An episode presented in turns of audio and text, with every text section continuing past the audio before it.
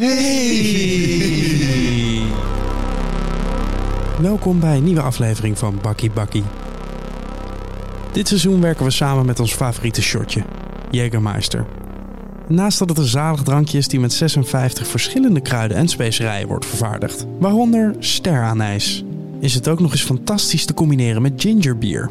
We hebben ons laten vertellen dat deze Jaeger Mule het drankje van zomer 2022 gaat worden. Dus als je daar bijvoorbeeld met kerst of oud en nieuw mee komt aanzetten, kun je komende zomer zeggen: zie je nou wel? Ja, hallo. We zijn in Amsterdam bij de enige echte Disco Dino. Een van de grondleggers van de Vaderlandse House-revolutie. Hij was er al in de Roxy en hij is er nog steeds. Dat geeft ons hoop. Hij heeft net een boek uitgebracht over de Amsterdamse uitgaansleven in de jaren 80, Nachtdier. En er wordt gezegd dat er misschien nog wel een boek gaat komen over de jaren 90 en de opkomst van de house. Daar gaan we het ook zeker nog over hebben. Dames en heren, Bakkie Bakkie, seizoen 4, aflevering 11 met de enige echte Joost, Joost, Joost van Bellen.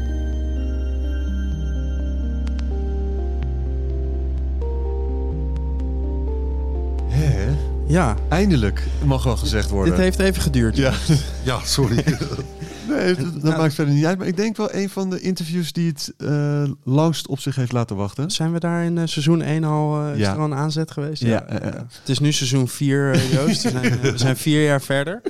Maar la- eerst dacht jij dat we in een bakfiets eh, zouden komen. Ja, toen, toen corona net,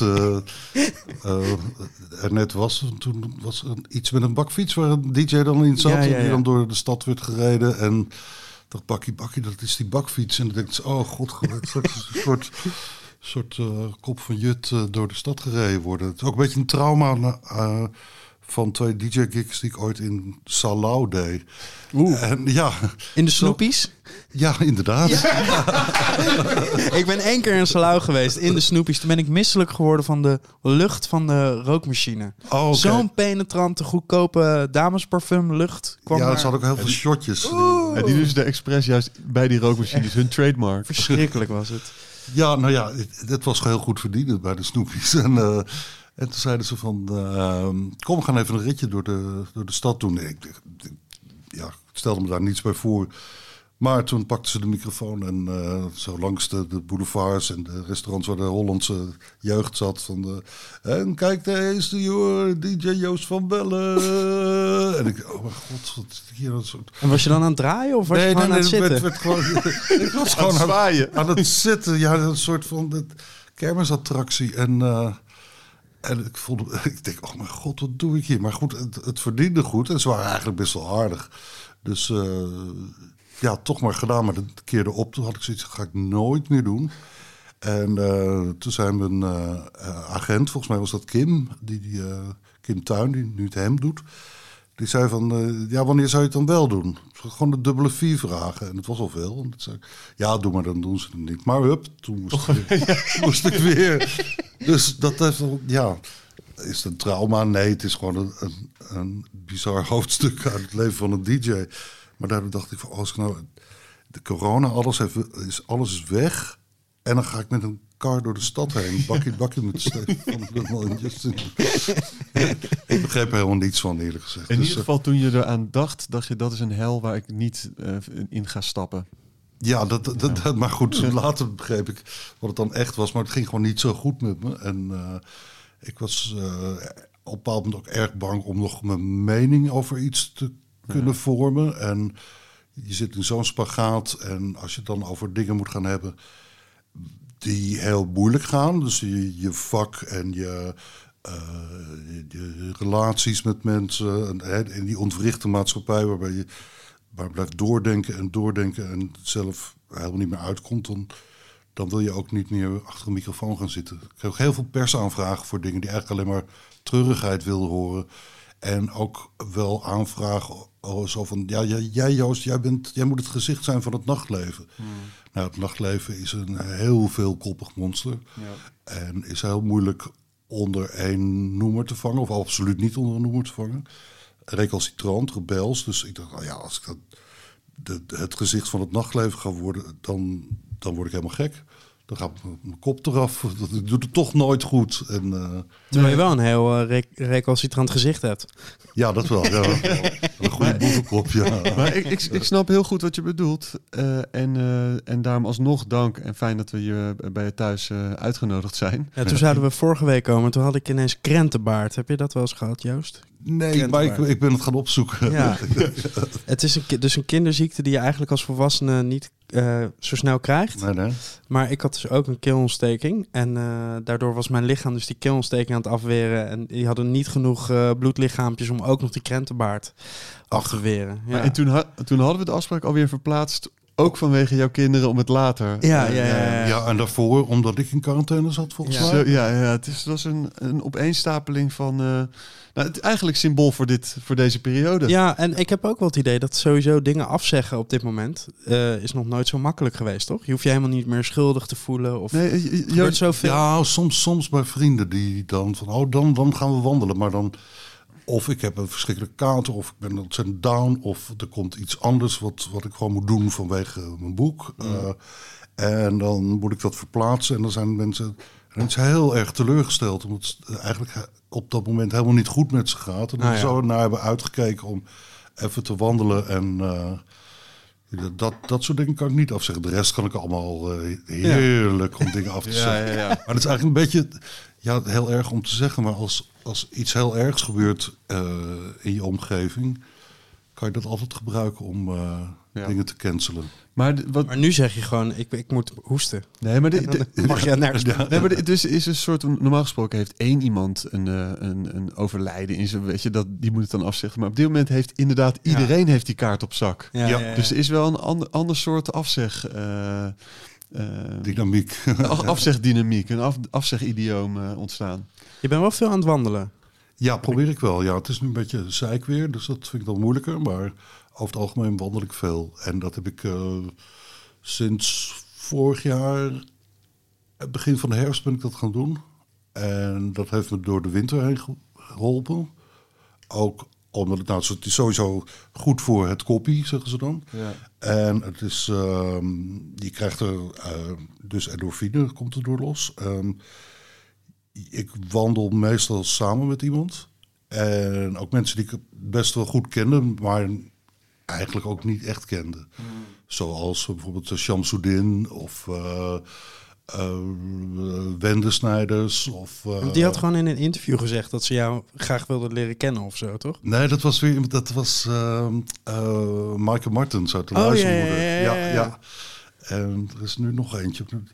Hebben Michael Martens gewoon afgesproken die ik eigenlijk helemaal niet kende. En zijn gaan wandelen en het was hartstikke leuk. En, en zoals met, met Wende en Sham, dan, ja, je komt, die, die, die gesprekken gaan ergens over. Het gaat veel dieper. Je krijgt eh, veel meer achtergrondinformatie van iemand. En eh, daardoor word je ook, je leert ervan. Je wordt nog meer empathisch daardoor. En eh, Ja, mensen zijn mooie, mooie dingen. Ja, als ze mooi zijn. Ja, maar het is ook wetenschappelijk bewezen dat het is beter om te praten sowieso als je niet naar elkaar kijkt. En helemaal goed als, je, als de omgeving langzaam verandert. Dus Oh, wa- nou, wandelen, wandelen is ook de beste plek om met elkaar te praten. Mhm. Dus dat is, eh, maar en wandelen is ook eigenlijk het allermakkelijkste om te doen.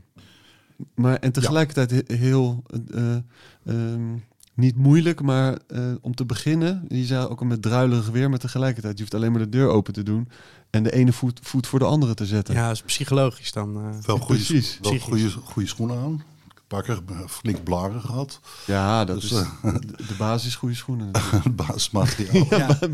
Aan het materiaal mag het niet liggen. Aan het materiaal mag het niet liggen. Dat is, Nee. eh, dat is sowieso een, eh, een beginpunt. En die, eh, ja, die wandelingen staan ook trouwens in het boek. Eh, En het, hij ook mag nog niet zeggen hoe het boek eindigt. Ehm, Nee, natuurlijk. maar ben je wel in andere interviews aan het zeggen hoe het boek eindigt? nee, Toch? nee, nee, nee, nee, nee, nee, nee. Ehm, Nachtdier. Ja, ik heb hem bijna uit. Dus dan, dan, Ah. dan vertel ik het wel. Ju- Justin, Justin zei net vo- vol met trots dat hij hem bijna uit had. En toen gaf hij een voorbeeld van waar hij was. Maar dat was dan helemaal aan het begin van het boek. Dus ik vind, het is nog wel een beetje twijfelachtig. Wacht, ik heb, ik heb één, één eh, ezelsoortje gezet met een, een passage die ik zo mooi vond. Dus ik dacht... Door, door Joost voor, voor laten lezen? Ja, Oh. ja ik heb er eh Lekker pen omheen, eh, omheen gezet. Ja. ah, Uh, weer leerde ik, leerde ik een les. Het nachtleven en zijn discipelen waren zoveel meer dan leeghoofdigheid en in, in een te kekkeloek. De nacht, waar de benauwenis van de dag niet gold, schiep een vrijhaven waar de opgestoken middelvingers konden brullen. Door uiterlijk vertoon, door muziek, door het vreten van eendagskuikentjes.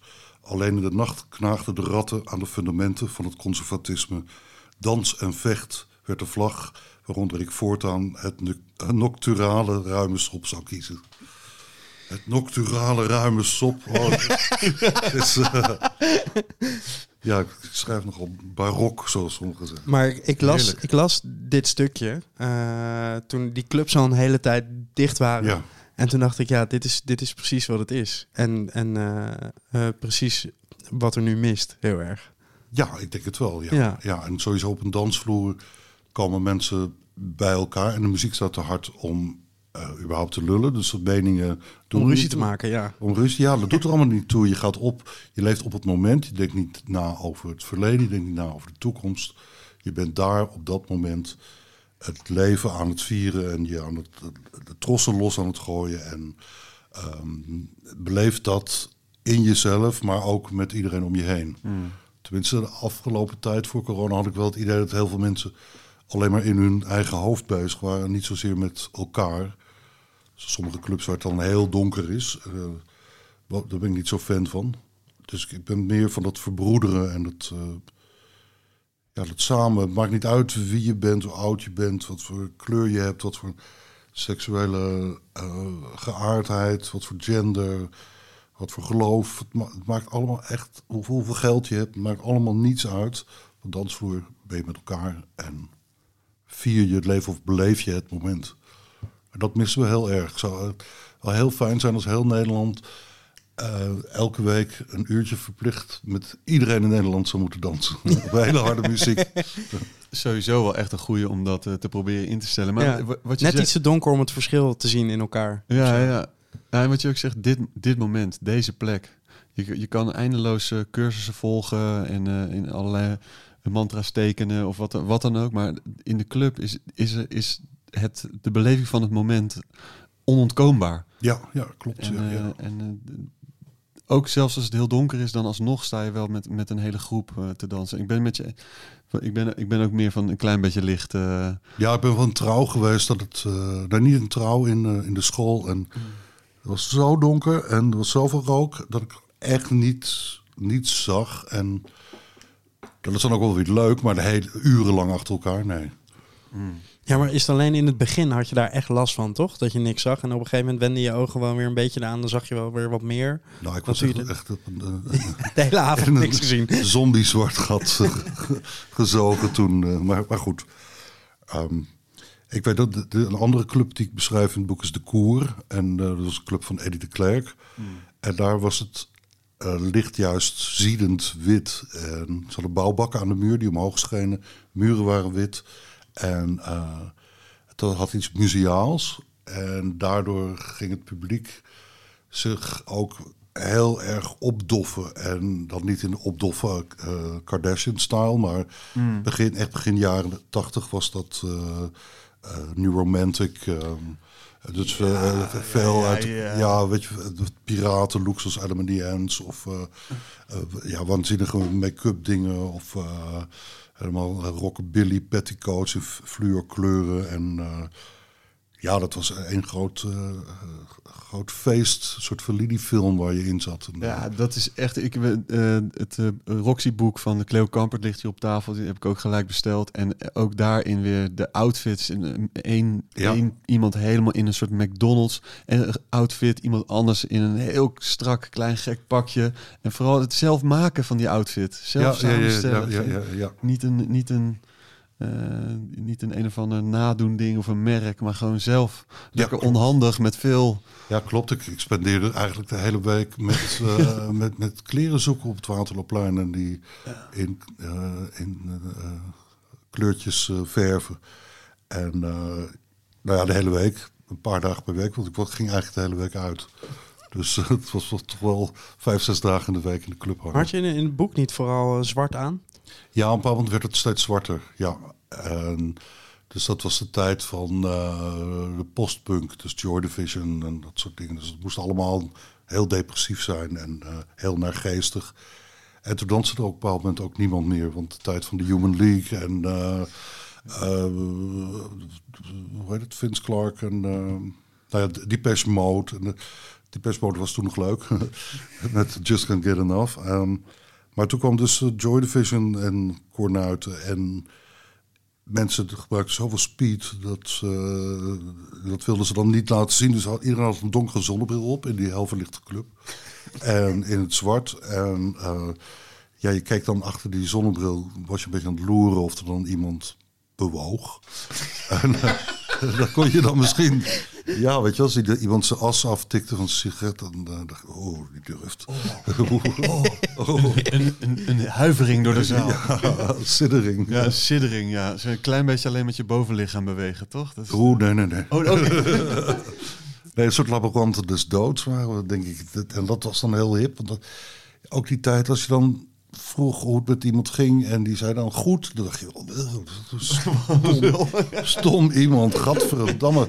Want je moet juist zeggen, uh, hoe gaat het? Ja, kut. Of uh, ben je ook zo depri? Ja, ben ook depri. Nou, dat was hartstikke goed. dus dat, uh, je, en je maakt ook foto's op begraafplaatsen, toch dan? Ja, ja, ja. ja. ja, ja. Vooral Père Lachaise in Parijs ging ik wel eens heen. En dan vooral daar, uh, nou natuurlijk heb je daar... Uh, ja. En, um, maar ook, uh, god weet... nou, Oscar Wilde. Mm. Ehm, nou, wat klassieke componisten. En dan ging daar heel moeilijk als de denker van Rodin. nam ik een pose aan en dan, ging je foto's maken. En dan kwam Serieus kijken?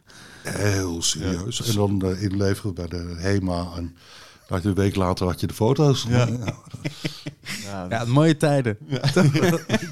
en, ja. Joost, begonnen als, uh, als circusdirecteur in de, in de achtertuin van het familiehuis. Ja, dat, dat, dat, dat noem ik dan een beetje het, begin. Ja. begin. En, eh, maar wij zijn natuurlijk benieuwd naar de eerste, uh, de eerste ervaringen van muziek en vooral de eerste DJ. Uh, de oh, eerste, DJ-momenten. Ja, want da, dat, ik dacht dus eigenlijk dat het een soort DJ-memoires ja, ja, ja, maar dat, ik wilde, dat wilde ik niet. Ik wilde. Kon geen autobiografie schrijven, mhm. omdat ik uh, niet geloof in de. Uh, in hoe het verleden in elkaar zit. Iedereen ziet dat anders. Het verleden is. Uh, wordt, wordt door de menselijke geest erodeert hij en neemt hij andere vormen aan. En ik vond het ook een beetje te veel op borstklopperij. Van kijk, dit zijn mijn memoires. En ik had best gekund hoor, Joost. Nee, ik vind het, nee, nee, het voelt in ieder geval niet comfortabel voor mij. Nee, en um, kijk, Grace Jones, autobiografie vind ik geweldig, ook al zegt ze tien keer hetzelfde.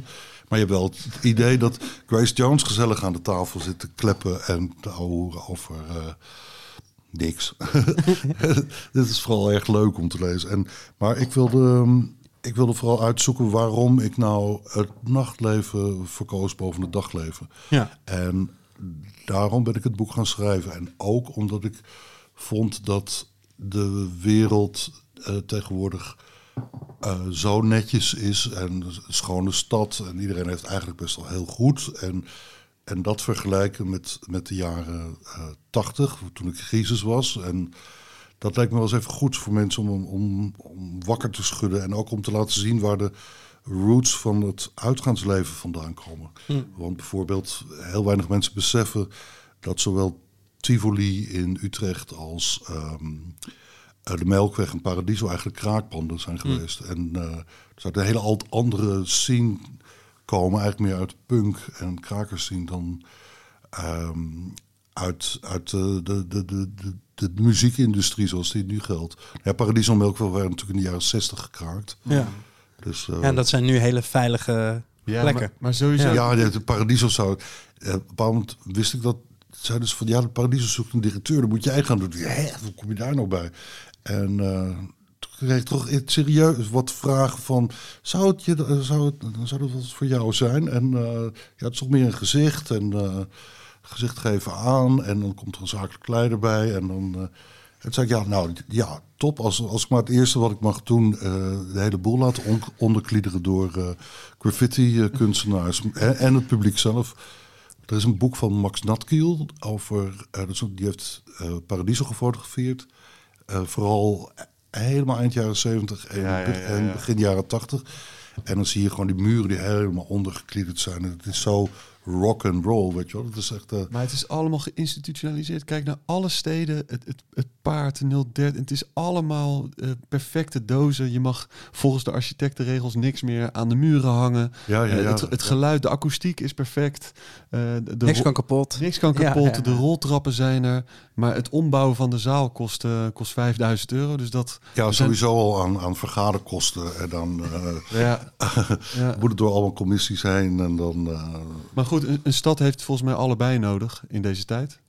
ja, in deze tijd zeker. Maar Ja, Ja, maar- ja, ja dus ik ben, een- ben wel heel blij natuurlijk met, met, met beide. Er is, want er is wel een beide. Want er zijn natuurlijk ook plekken als, eh, nou ja, bijvoorbeeld Pip. eh, daar is het OT? allemaal- OT? Ja, ja, ja, natuurlijk. Eh, er zijn wel een hele rits van die plekken waar het, waar het allemaal niet zo netjes hoeft te zijn. En waar het juist, juist groeit en, en door het publiek zelf eh, iets gecreëerd wordt. En eh, die zijn er absoluut. En maar ze staan gigantisch onder druk. ja, ja, En, eh, ja ik, ik, ik kan niet in de keuken kijken van alle plekken, maar ik eh, vermoed het ergste. Ja. Eh, sowieso onder druk van de gemeentes en de ambtenaren. En Ja.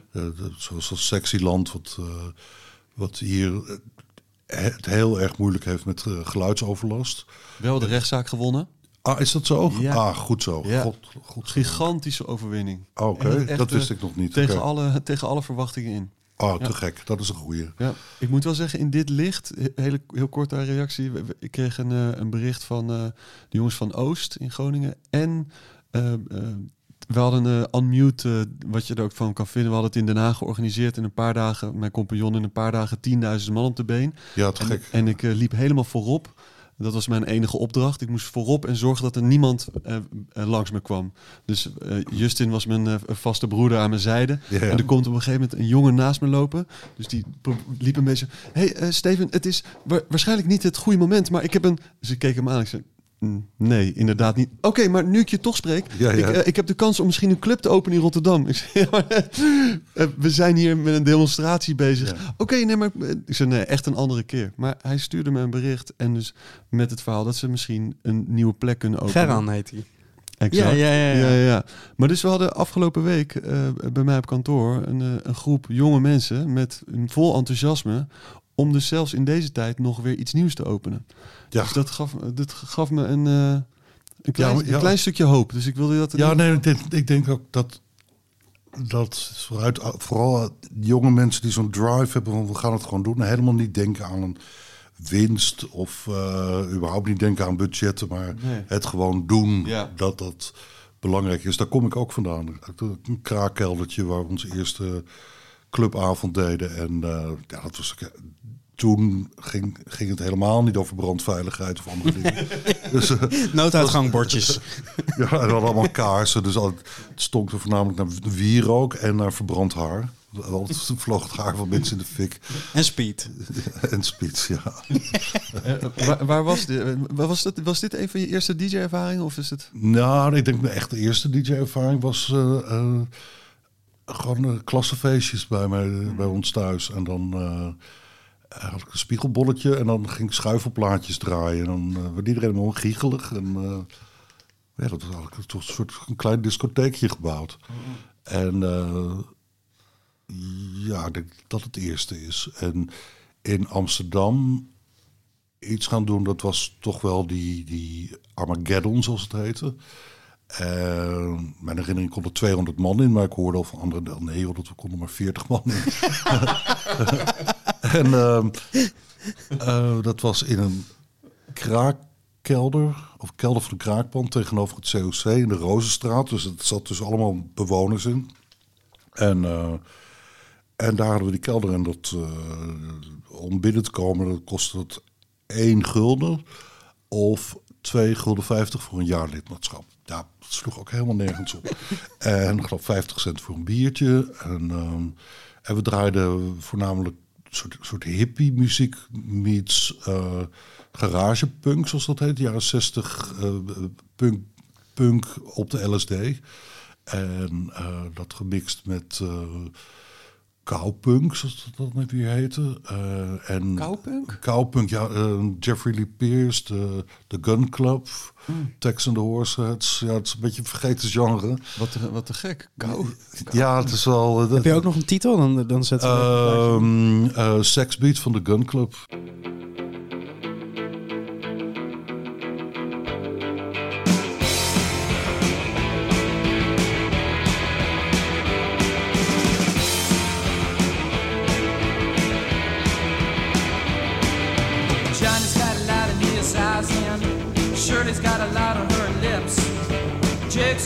Shine on his head, and Deborah Ann's got a tiger in her hips.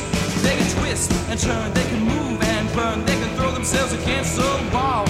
But they creep for what they need, and they explode to the car, and then they move.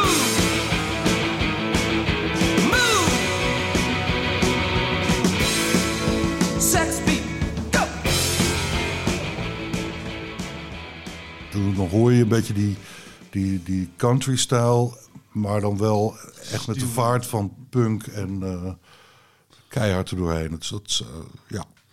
En uh, wat draaien we nog meer? Swamp rock. Dus dat, de, vooral de Cramps dan. Mm -hmm. En andere psychobilly dingen, zoals dat heette.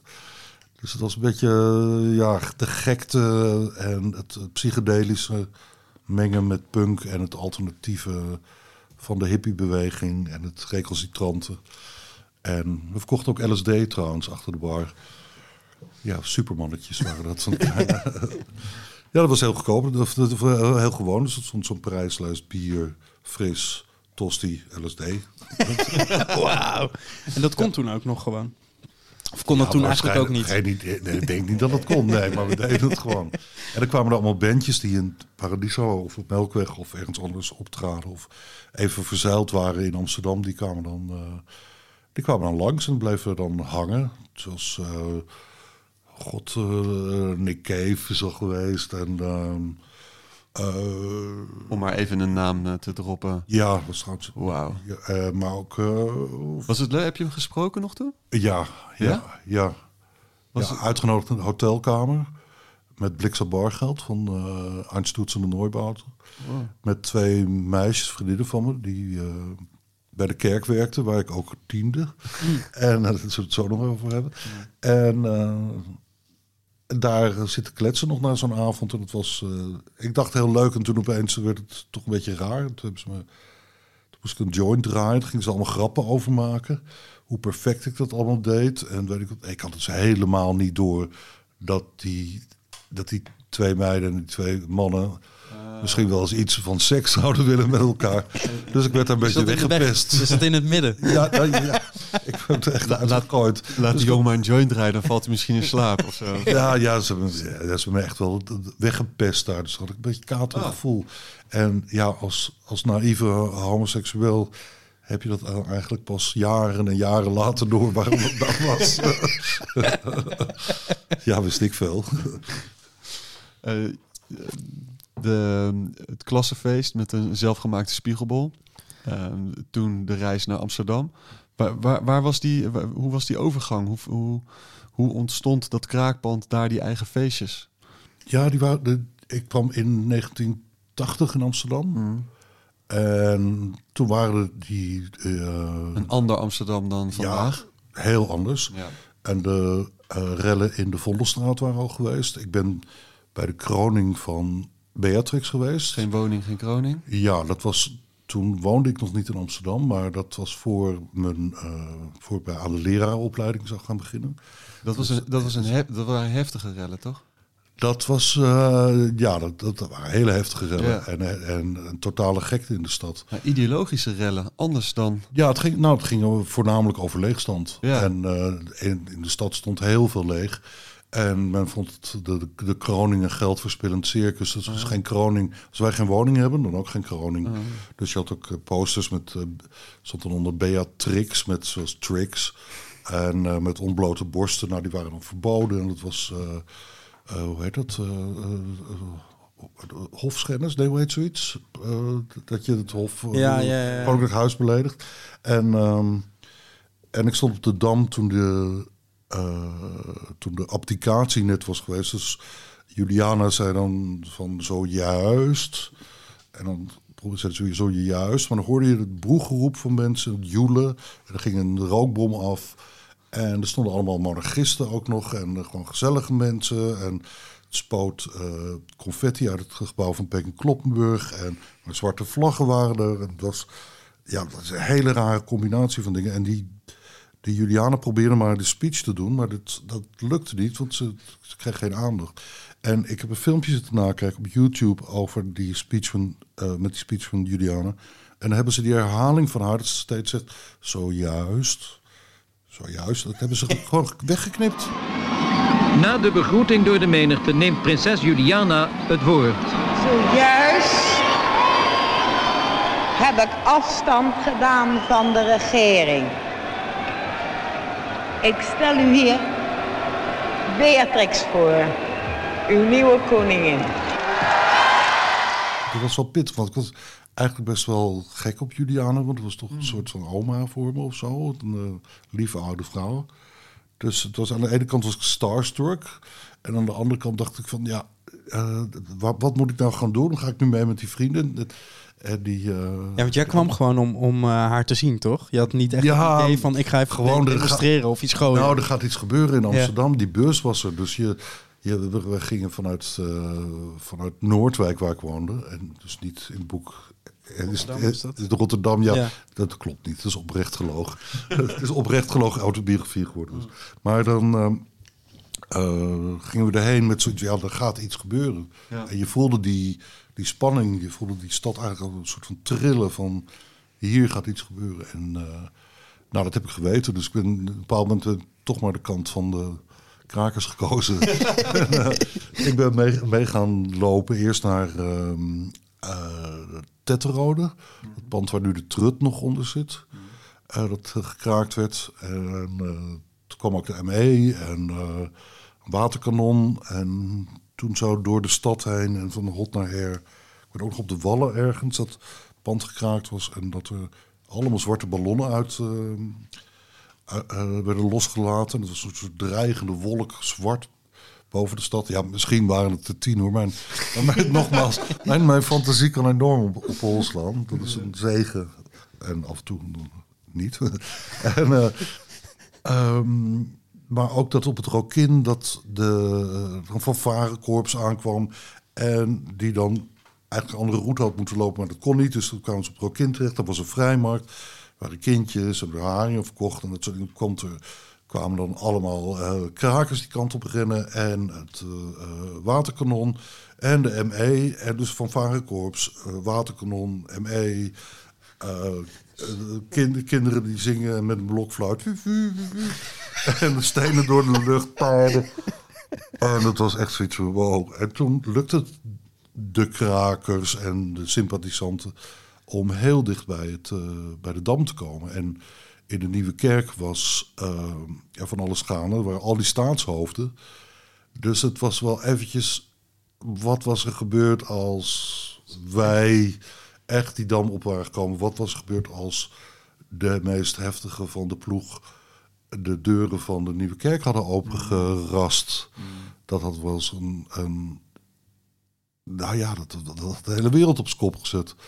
Dus, en het was heel gek, want, want vlak bij de, bij de Dam waren gewone agenten dus met platte pet.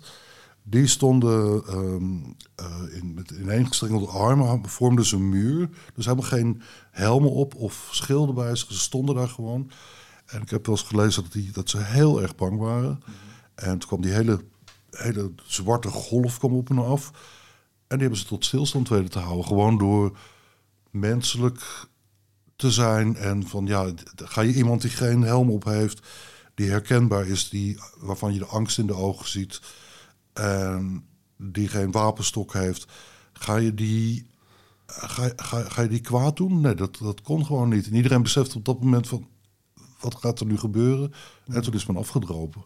Maar dat was wel echt, dat had wel iets heel raars kunnen zijn. Misschien zelfs wel met, ze waren gaan schieten vanaf de daken. Want er zaten sowieso sluipschutters op de daken van Rotterdam. Mm. Of als er iets zou gebeuren. Maar dan, dat was wel uh, oef. Kan je je misschien- voorstellen? Dat, misschien dacht Koning, je? koningin Elisabeth. eh, Toen dacht je Toen bij, dacht je, de- hier ga ik wonen. ja, bij deze groep ga ik me aansluiten. Nou, het was wel een troef waarmee ik nog op, op middelbare school nog zo kon. Ja, daar was ik dus bij. Was ik bij, ja. Maar misschien is juist ook in de strijd van ideologie kwetsbaarheid het beste, de beste defensie. Ja, dat denk ik wel, sowieso. Ik voel me ook sterk, zelf sterk door me kwetsbaar op te stellen. Als je altijd maar die soort verdedigingslinie hebt... en die in, bovenop je, de muren van je, van je kasteel staat... waar, waar je echte gevoel en, en alles wat je echt bent achter de muren verborgen is... dan ben je constant in een, in een strijd verwikkeld. En daardoor... Ja, iedereen mag alles van me weten. En, eh, en daardoor kunnen ze me ook niks aandoen. Precies. En hoe, ja. Juist die anonimisering van die, van die defensielinie, hè? helm op, Ja. eh, eh, schild, eh, Ja. knuppel. En eh, dat blijft toch dus... Ja, maar ook bijvoorbeeld eh, eh, eh, eh, wat, wat, wat groter trekkend, wat meer uitfocusend. De, Internet. eh, of, eh, ma- eh, mannen onder elkaar die toch wel even, eh, weet je wel, ik heb een grotere auto dan jij. En, eh, Mhm. eh, dat of, of eh, in de wereld van homoseksuelen dat men zo vaak pijnlijke situaties heeft meegemaakt. Of dat, dat men een soort door hele valse grappen te maken een, een verdedigingslinie heeft staan. Waardoor je. Ja, dat kan af en toe heel grappig zijn natuurlijk. Maar het is echt zo vals, zo ontzettend vals. En dat. eh, ja, dat. eh, kan trouwens ook vals zijn hoor. Dat- dat- dat- du- dubbel vals. want, bedoel je nu grappen door, door, door hetero mannen over... over Nee, nee, homoseksuelen onder, onderling. Ja, precies, Ja, precies. Ja. want, Eh, Of over vrouwen kunnen of heel homoseksuelen heel nasty zijn. Dat doe ik trouwens niet. Eh, maar- goed, het zijn allemaal verdedigingslinies en die, eh, ja, Je, je zei net, eh, er zijn heel veel vervelende momenten ook als, als homoseksueel geweest. Was dat ook in die periode of was het toen vrijer? ja, het was ook wel in die, in die periode zeker wel. Want aan de ene kant was het vrij in de jaren zeventig moest alles maar kunnen. En ehm, dus er was echt seksuele vrijheid en homoseksualiteit was ook gewoon. eh, dat- Toen had je gewoon pedo-praatgroepjes en zo, toch? Ja, ja, ja, ja. De NVSH had eh pedopraatgroepen en er waren. ehm, dat heb ik dus zelf nooit meegemaakt. Mijn vrienden vertelden dat, dat er een markt was ergens. En er stond dan ook de pedofiele vereniging stond daar met folders uit te delen. En zo. Nou, je kan het toch niet meer voorstellen. Dat dat alles moest kunnen. En ehm, eh, wat, wat ik ervan meemaakte, is dat je wel kranten las of televisie zag en dat er dan een, bijvoorbeeld een homodemonstratie was ergens en dat mensen aan de, aan de kant de boel stonden, mensen stonden te spugen in het gezicht en eh, eh, de- ja, de- voor vuil uitgemaakt en in elkaar geslagen en eh, Kijk, als nu iemand in elkaar geslagen wordt, dan is het meteen boom. Of tenminste, dat hoop je op social media. En er is blauw in het roze, geloof ik. Roze en blauw. Politie die daar, zich daarmee bezighoudt. Maar toen gebeurde dat natuurlijk ook. Alleen haalden dat de kranten niet. En, die, ehm, en er was die ziekte, AIDS, wat opeens rondwaarde, waar heel erg weinig aan gedaan werd. Waar heel weinig rugbaarheid aan werd gegeven. Wat ook al snel de homokanker heette. En eh, daarvoor, je voelt je al minder waardig als je opgroeit of je denkt dat je minder waardig bent. Eh, en dat had ik al vanaf heel jong. En dan komt er nog zo'n zo'n aidsgolf overheen. En dan, eh, dan, ja, dan denk je echt van, ik, ik klop gewoon echt niet. Het is gewoon echt niet goed wie ik ben. En dat, eh, dat geeft knauwen. En ik zag laatst iets over iets wat op trending was op Twitter, geloof ik, of op Instagram, over Madonna die, zich, eh, die ergens in de zestig is en dan als een sekspoes op, op bed ligt. En dan Nancy Reagan op dezelfde leeftijd. eh, van, van die, die gedroeg zich tenminste als een echte lady. Eh, maar Nancy Reagan, die, eh, die en, en haar man hebben het eh, gevecht tegen AIDS hebben ze helemaal niet ondersteund. Integendeel zelfs. Rock Hudson, grote ster, filmster uit de jaren 50, 60, geloof ik. Ja, die kwam eigenlijk doordat hij AIDS kreeg, kwam hij uit de kast. En ook met ik heb AIDS. En hij was bevriend met de Reagans. En heeft om hulp gevraagd. En eh, dat hebben ze niet gegeven. En het was zo van, nou ja, dat, laat, ze maar, eh, laat ze maar allemaal doodgaan. Zo'n homo's. Zo heftig. Maar ik kan me ook vo- voorstellen dat... dat eh, want er is natuurlijk ook nog een hele tijd geweest... dat niemand nou echt wist hoe het nou zat met die aids. En waar Ja, het nou ja, vandaan kwam. En, maar dat lijkt me vooral een hele enge periode. Volgens mij schrijf je er ook over van... Ja. er was een, een, ziekte die alleen homo's konden hebben. Ja, ja, ja, ja, al eerder schrijf ik over, maar niemand heeft echt zo door. Dat is een stukje waar, eh, waar, waar ik hoorde dat een vriend van mij, die woonde op een woonboot met zijn vriend, en die had een eh, ontstoken kaak. Oh ja, ja, ja. Ja, Ja. en maar mo- het mocht er, niet, mocht er niet bij komen. Hij had kiespijn eerst, toen had hij een ontstoken kaak. Toen bleek dat die kaakontsteking naar zijn hersenen was gegaan. En toen was hij dood. En ze hebben altijd toen nog gezegd daarna van... Nou, hij is al overleden aan een, eh, aan een eh, hersenontsteking. Maar hij had aids. Dat mocht je dan ook niet zeggen dat iemand Nee. aids had. Dus het was, het was zo'n bizarre tijd. En dat is dan helemaal het begin. En dan, dan ben je- ook op, op straat. Ik werkte op, in, op de Wallen, dus de, de, de porno-industrie. Eh, trouwens niet als acteur, maar ehm, Als toepier. als toepier eerst. Dus uh, stoepier ook wel.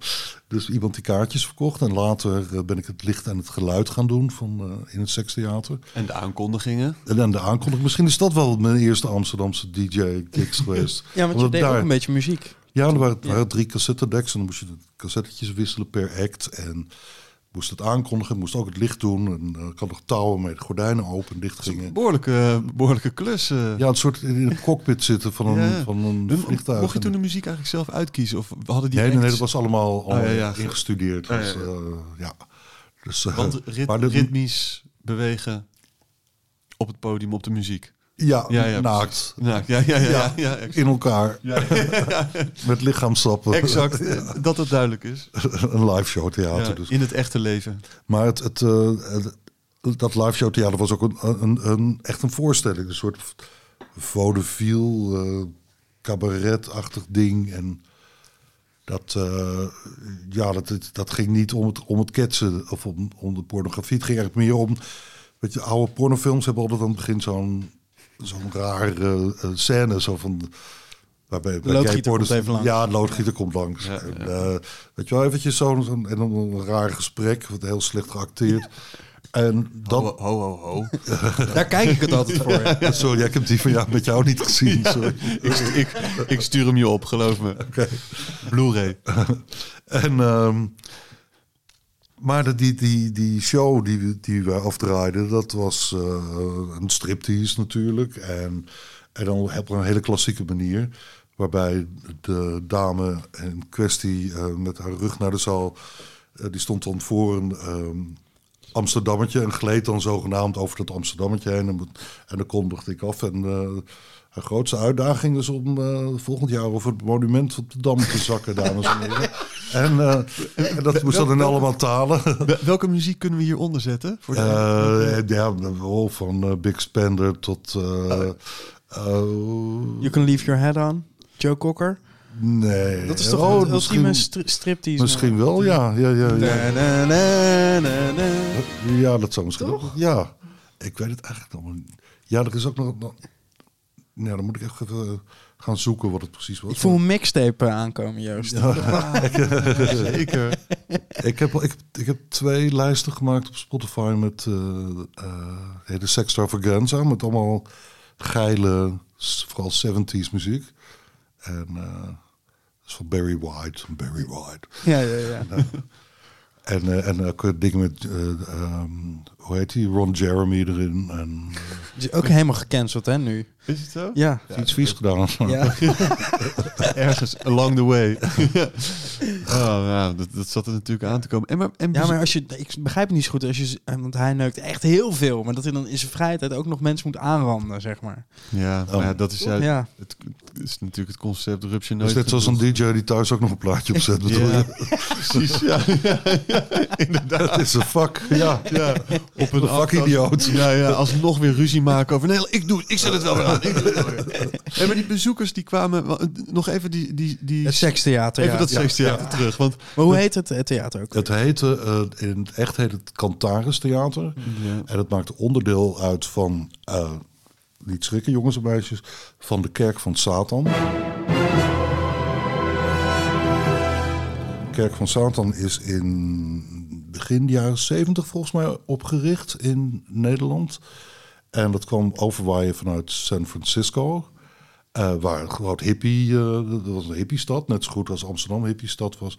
En dat ging over seksuele vrijheid en eh, het ging over het leven als beesten in het veld. En, ehm, en het was, ja, het was eigenlijk een poppenkast. En Anton LaVey was de, de, de, de zwarte paus in, in Amerika. Die heeft allemaal boeken geschreven. Die heb ik voor het researchwerk van Nachtdier heb ik die aangeschaft. Die ook, sommige mensen kijken ernaar, worden trekken dan helemaal geel weg. maar het, ja, het is ontzettend saai om te lezen. Ehm, en die had dat hele geloof met allemaal rituelen en het occulte erbij. En dat, eh, ja, wat, was- ja, het, het stelde allemaal niet zoveel voor. Die Anton LaVey was eigenlijk, eh, die werkte in een circus, maar die was mislukt. En eh, in Amsterdam eh, nam Maarten Lamers het over. Dat was dan de magister voor de Kerk van Satan van Europa. En eh, die was vroeger een eh, acteurtje en een kindsterretje. Waar die hielden van drama op. Weet je, zoals de Rooms-Katholieke Kerk heeft al die rituelen. Nou, ze hadden er nog veel meer. en, maar maar in, in, in principe werd er nooit iemand kwaad gedaan. Tenminste, wat ik heb meegemaakt, echt nooit, nooit, nooit. Ik, maar ik was toch wel een beetje bang vanzelf. Maar er, ehm, Het ging vooral om, om geen belasting betalen, toch? En zo. ja, eigenlijk, eigenlijk wel. Het ging om... eh, ja, als je een kerkgemeenschap bent, betaal je geen belasting. Dus die kerk van Satan, die, eh, die had dan een, een, een soort kerkgebouw... eh, waar dan rituelen werden, werden gedaan. En waar ik één keer bij ben geweest, maar eh, heel, met staart op mijn benen ben weggevlucht... omdat ik dat wist dat het een orgie zou gaan is dat worden. echt En, zo? Is dat echt zo? Ben je echt weggerend? ja, ja, Ja? het zou een orgie worden. En dan met al die, die pornoacteurs zo. En ik was, ik was nog... eh, was ik al was ontmaagd toen? Ik weet het volgens mij nog net niet. Noordwijkse maagd in de, in de kerk van Satan op de Wallen. Homoseksuele maag. Een seksuele maagd. Ik Ja, want mijn broek, maar, maar we zouden dus ook de, de, wat nu bekend is als de bananenbar. Mhm. Dat was de Walburger Abdij. Daar zaten dan eh, de nonnen eh, op de bar. En die konden eh, met hun eh, poes eh, konden ze ansichtkaarten schrijven. Ze konden pingpongballen schieten. Ze, konden, ze hadden dan een banaan, eh eh, gleed erin. En dan persten ze zo die banaan eruit in de mond van iemand.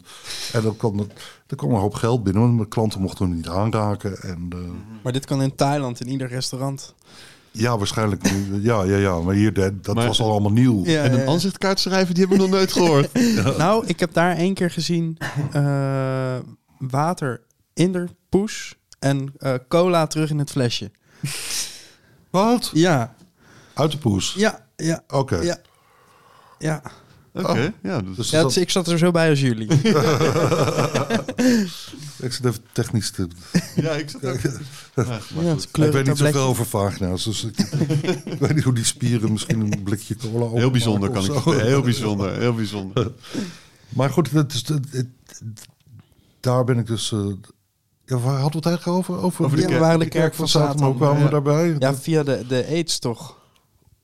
Oh ja, dat, dat, omdat ik daar werkte, dat het eh, met die acteurs onderling, die dan ook bang werden Hmm. van elkaar, van is dit wel zuiver op de graad? En eh ze heeft een vlekje hier en daar, is dat kaposi? Dat was een, een soort Ja. huidziekte wat je kreeg, omdat je weerstand eh, weg Een soort was. krentenbaard. Een soort krentenbaard, inderdaad. en ehm eh, junks kregen het ook, eh, omdat ze naalden deelden. Ja. En eh, er zaten vooral, ja, er zaten wel heroïneverslaafden tussen de acteurs. En eh, dus dat was allemaal een beetje vreemd. Want ze, je durfde op een bepaald moment ook elkaar geen hand meer te geven. Wat dan weer Ja. een connectie heeft naar het nu.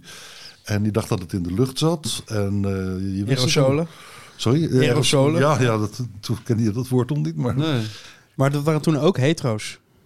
Ja, maar dat die waren...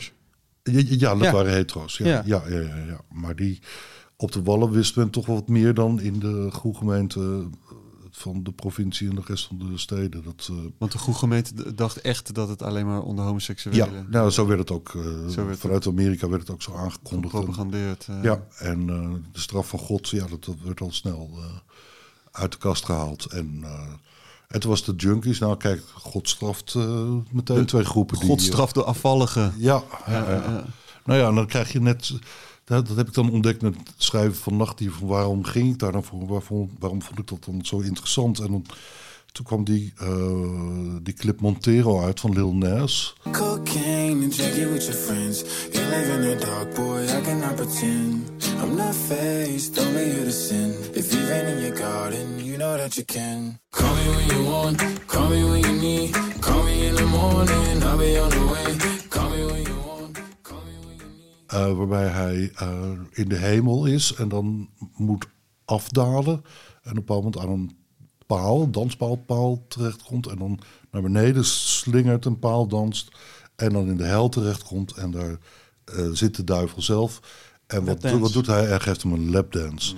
En zo van, als jullie mij eh, niet accepteren en vinden dat ik mijn ziel aan de duivel heb verkocht, dan kies ik gewoon lekker voor de duivel. En ehm, ja, maar wat, wat ik, eh, nou ja. ik heb er sowieso, ja, met geloof heb ik, nou, heb ik niet heel veel. Behalve dat, dat ik wel geloof dat er, dat er heel veel goeds in mensen zit, maar ook heel veel slechts. En wat het goede en het slechte nou is, dat, dat, dat is voor mij waarschijnlijk heel iets anders dan voor een, eh, iemand uit de, uit de Bijbelbelt. Maar ik ben een Luister- goed mens. Luister, luister, Joost, als je, als je in, de, in de kerk van Satan werkt, dan heb je echt een ander, ander moreel kompas dan iemand uit de Bijbelbelt. Moet ik toch wel eerlijk concluderen. Ja, ik werkte er, maar dat betekent niet dat ik een satanist was. Hè. Dus, Nee, eh, nee, nee, nee ik, heb, ik, ik zeg en, niet. en Nee, nee, nee. het, eh, Maar volgens mij het had ook in, in, in, in, de, in de beginnen niks met satanisme te maken, toch? ja, nou ja, het, het was. eh, Het enige wat je was een leuke is hobby. eh, zwarte nagellak. Ja, nee, maar dat, dat, ik heb het zwarte nagelak omdat een vriend van mij, Ruud van der Pijl, eh, eh, hoe lang geleden is het alweer? Gecondoleerd eh, nog. Ja, die is, Uit eh, Rotterdam, toch? eh, Ruud komt uit Den Haag origineel, maar woonde al heel lang in Amsterdam. En die eh, kreeg zoveel mentale klachten. Het ging zo slecht dat hij zelfmoordpogingen heeft gedaan. En dat de laatste gelukt is. En hij... eh, eh, zijn nagels waren altijd zwart. En dat zag er dan bij mij begint een beetje af te brokkelen. Maar hij, ja, hij deed het helemaal niet netjes. Zat het natuurlijk ook, het zat ook op het vlees na- rond die nagel. Zo, heel, heel begaafd iemand, he- hele goede stylist, eh, hele goede muzieksmaak, sowieso hele goede smaak. Heel erg tegen draads in de vorm van alles wat fake is moet worden doorgeprikt, die ballon van fakeness. En dan ging die, daar was hij heel rigoureus in. En ehm, Op welke manier rigoureus? dat hij eh non-conformistisch was. Hij, hij werkte bijvoorbeeld bij G-Star, en, ehm, eh, waar hij heel geliefd was. Maar hij zei er zelf over van... Ja, dan ben ik eraan bezig en dan, dan doe ik iets. Het was helemaal te gek en dan komt, komt die directie en die zegt dan... Nee, nee. En toen, en, en toen had Ruud gevraagd, maar waarom hebben jullie me dan in dienst? Nou, zodat we zeker weten wat we echt niet moeten doen. Omdat hij zo briljant was in wat hij deed, dat ze dan wisten van... Oké, zo kan het dus ook. Dus dat alles heroverwogen wordt en alles van zijn sokkel getrapt wordt. En daardoor opnieuw wordt opgebouwd. En de, waardoor de funderingen van het eindproduct echt goed zijn, als, het, als het klopt was Ruud het misschien niet helemaal mee eens. Want die vond natuurlijk gewoon dat het van hem moest zijn. Maar op zich snap, snap ik dat dan ook wel. Ja, Ja. ja. Ja. ja maar het is niet zo dat die, want je zegt rigoureus, het is niet zo dat die mensen constant erop aansprak. Het ging, het ging wel echt over Nou, zijn het kon- eigen. Het kon ook wel, hij kon ook wel eh, ja, vals zijn en, eh, en behoorlijk veel kritiek hebben op mensen. En eh, behalve op zichzelf, hij was vrij megalomaan. Sam Andrea heeft hele mooie schilderijen trouwens van hem gemaakt. Ja. Dat is de mentor van, Ja. van Sam. En eh, ehm, ja, hij, eh, ja, ik, ik, ik verf of lak mijn nagels maar zwart. En, eh, omdat ik hem nog niet kwijt wil. En misschien zal ik hem ook nooit kwijtraken. Mm. Zoals ik wel meer mensen ben kwijtgeraakt die eigenlijk nog altijd bij me zijn. Ik heb er twee die eigenlijk op mijn schouders zitten, vaak. En eh, als, het, als ik het moeilijk heb of bang word voor situaties, dan, eh, beginnen ze te tieren tegen me. Kom op, je bent toch Joost van Bellen, laat ze de pleurs krijgen.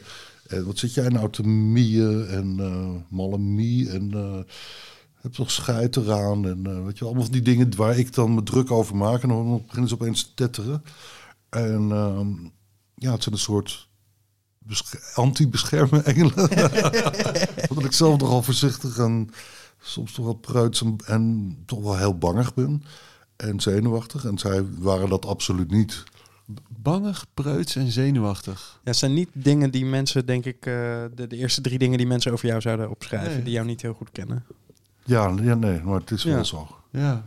Is het Ik denk dat dat ook wel de, de tegenhanger die je opzoekt ergens of zo? Wat Ja, ik denk dat dat ook wel het mooie is aan, eh, aan, aan het boek. Dat, dat het aan de ene kant heel hard en rauw en smerig en eh, chockerend is. Maar aan de andere kant ook heel kwetsbaar, heel intiem, heel lief, heel, eh, heel klein, heel ja, mooi, breekbaar.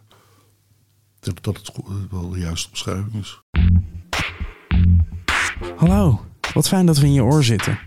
Even snel de aandacht voor het volgende. Het is nog steeds niet te laat om lid te worden van dit tweekoppige en vooral fantastische podcastcollectief. Patreon.com slash bakkiebakkie, daar moet je zijn. En voor 5 dollar in de maand luister je dan al eerder naar de nieuwe afleveringen dan de rest van het land. Voor 10 dollar krijg je er zelfs nog een origineel stukje Steven van Lummel kunst bij. En voor 20 dollar dat alles. En dan ook nog eens een bakkie bakkie t-shirt. En reken het maar eens even terug naar euro's. Precies. Daar ga je niet voor zonder zitten. Wij zeggen hartelijk welkom tegen onze nieuwe patron, Sarah Gold. Lieve Sarah, dankjewel. En prachtige kunst maak je trouwens. We kregen er een beetje rode oortjes van. En vergeet ook niet om te abonneren in je favoriete podcastplatform. Dan schuiven die nieuwe afleveringen zo vanzelf je apparaat in. En laat bijvoorbeeld op Apple Podcast een review achter voor ons, zodat wij ons ego daarmee eens lekker kunnen strelen. Oké, love you.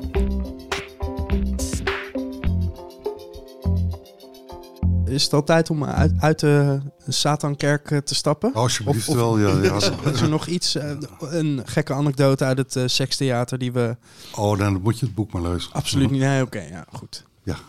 Er, staat echt, er staan echt een paar goeie in, ja. Ja, ja dat zelfs iemand zei, ja, nee, maar dat is gelogen. En, maar dat was toch niet gelogen met het, Nee. die show. Dat, op een bepaald kwam er heel weinig publiek. En het, nu toch een anekdote. En eh, dan moesten we, als er drie mensen binnen waren, dan moesten we een show draaien. En dat ging dan, dan heb je een stoepier, eh, de technicus, dat was ik dan. En dan eh, twee vrouwelijke acteurs en een mannelijke acteur. En ehm, er zaten drie mensen binnen, dus draaien een show. Of ik eh, kom backstage. Oh, nee, nog twee danseressen hadden. Dan kom eh, backstage en ik zeg, there's three people inside. En die beide, die danseressen, die zeiden, 3000 people, yes! en dat zal ik nooit, nooit vergeten, dat, dat ook, waar ik ook kom om te draaien. En er is bijvoorbeeld soms eh, opeens weinig mensen.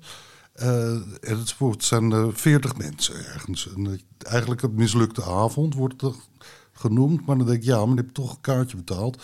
En dan denk ik, 40 mensen. 40.000 mensen! Want, ja, dat blijft, dat me altijd bijgebleven. en we hebben die, die, die, die shift hebben we show na show na show gedraaid. Omdat één iemand bleef maar zitten. En eh, de hoofdacteur, de man, die ging dan Zeven keer even met hem, met, hem, eh, met hem praten. En dan zei hij, ja, hij blijft zitten, hij heeft betaald.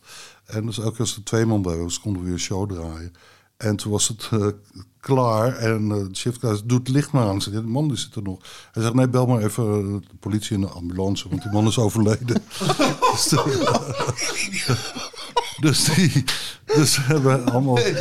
Oh mijn god. Ja, dus die hadden we hebben allemaal shows gedraaid voor, voor een lijk eigenlijk. En, En wat ik heel bijzonder vond, is dat toen de politie kwam... 1000 dead bodies? Maar dat de politie kwam en dat eh, zo onderling geregeld werd van... Oh, hij is niet hier gevonden, maar achter de bijenkorf. Dus dat als de familie het zou horen van... hij- Oh, hij is ineengestort achter de bijenkorf. Niet in een live show theater. Ja, Ja. Dat, dat dat dan minder erg is, is eigenlijk bizar. ja.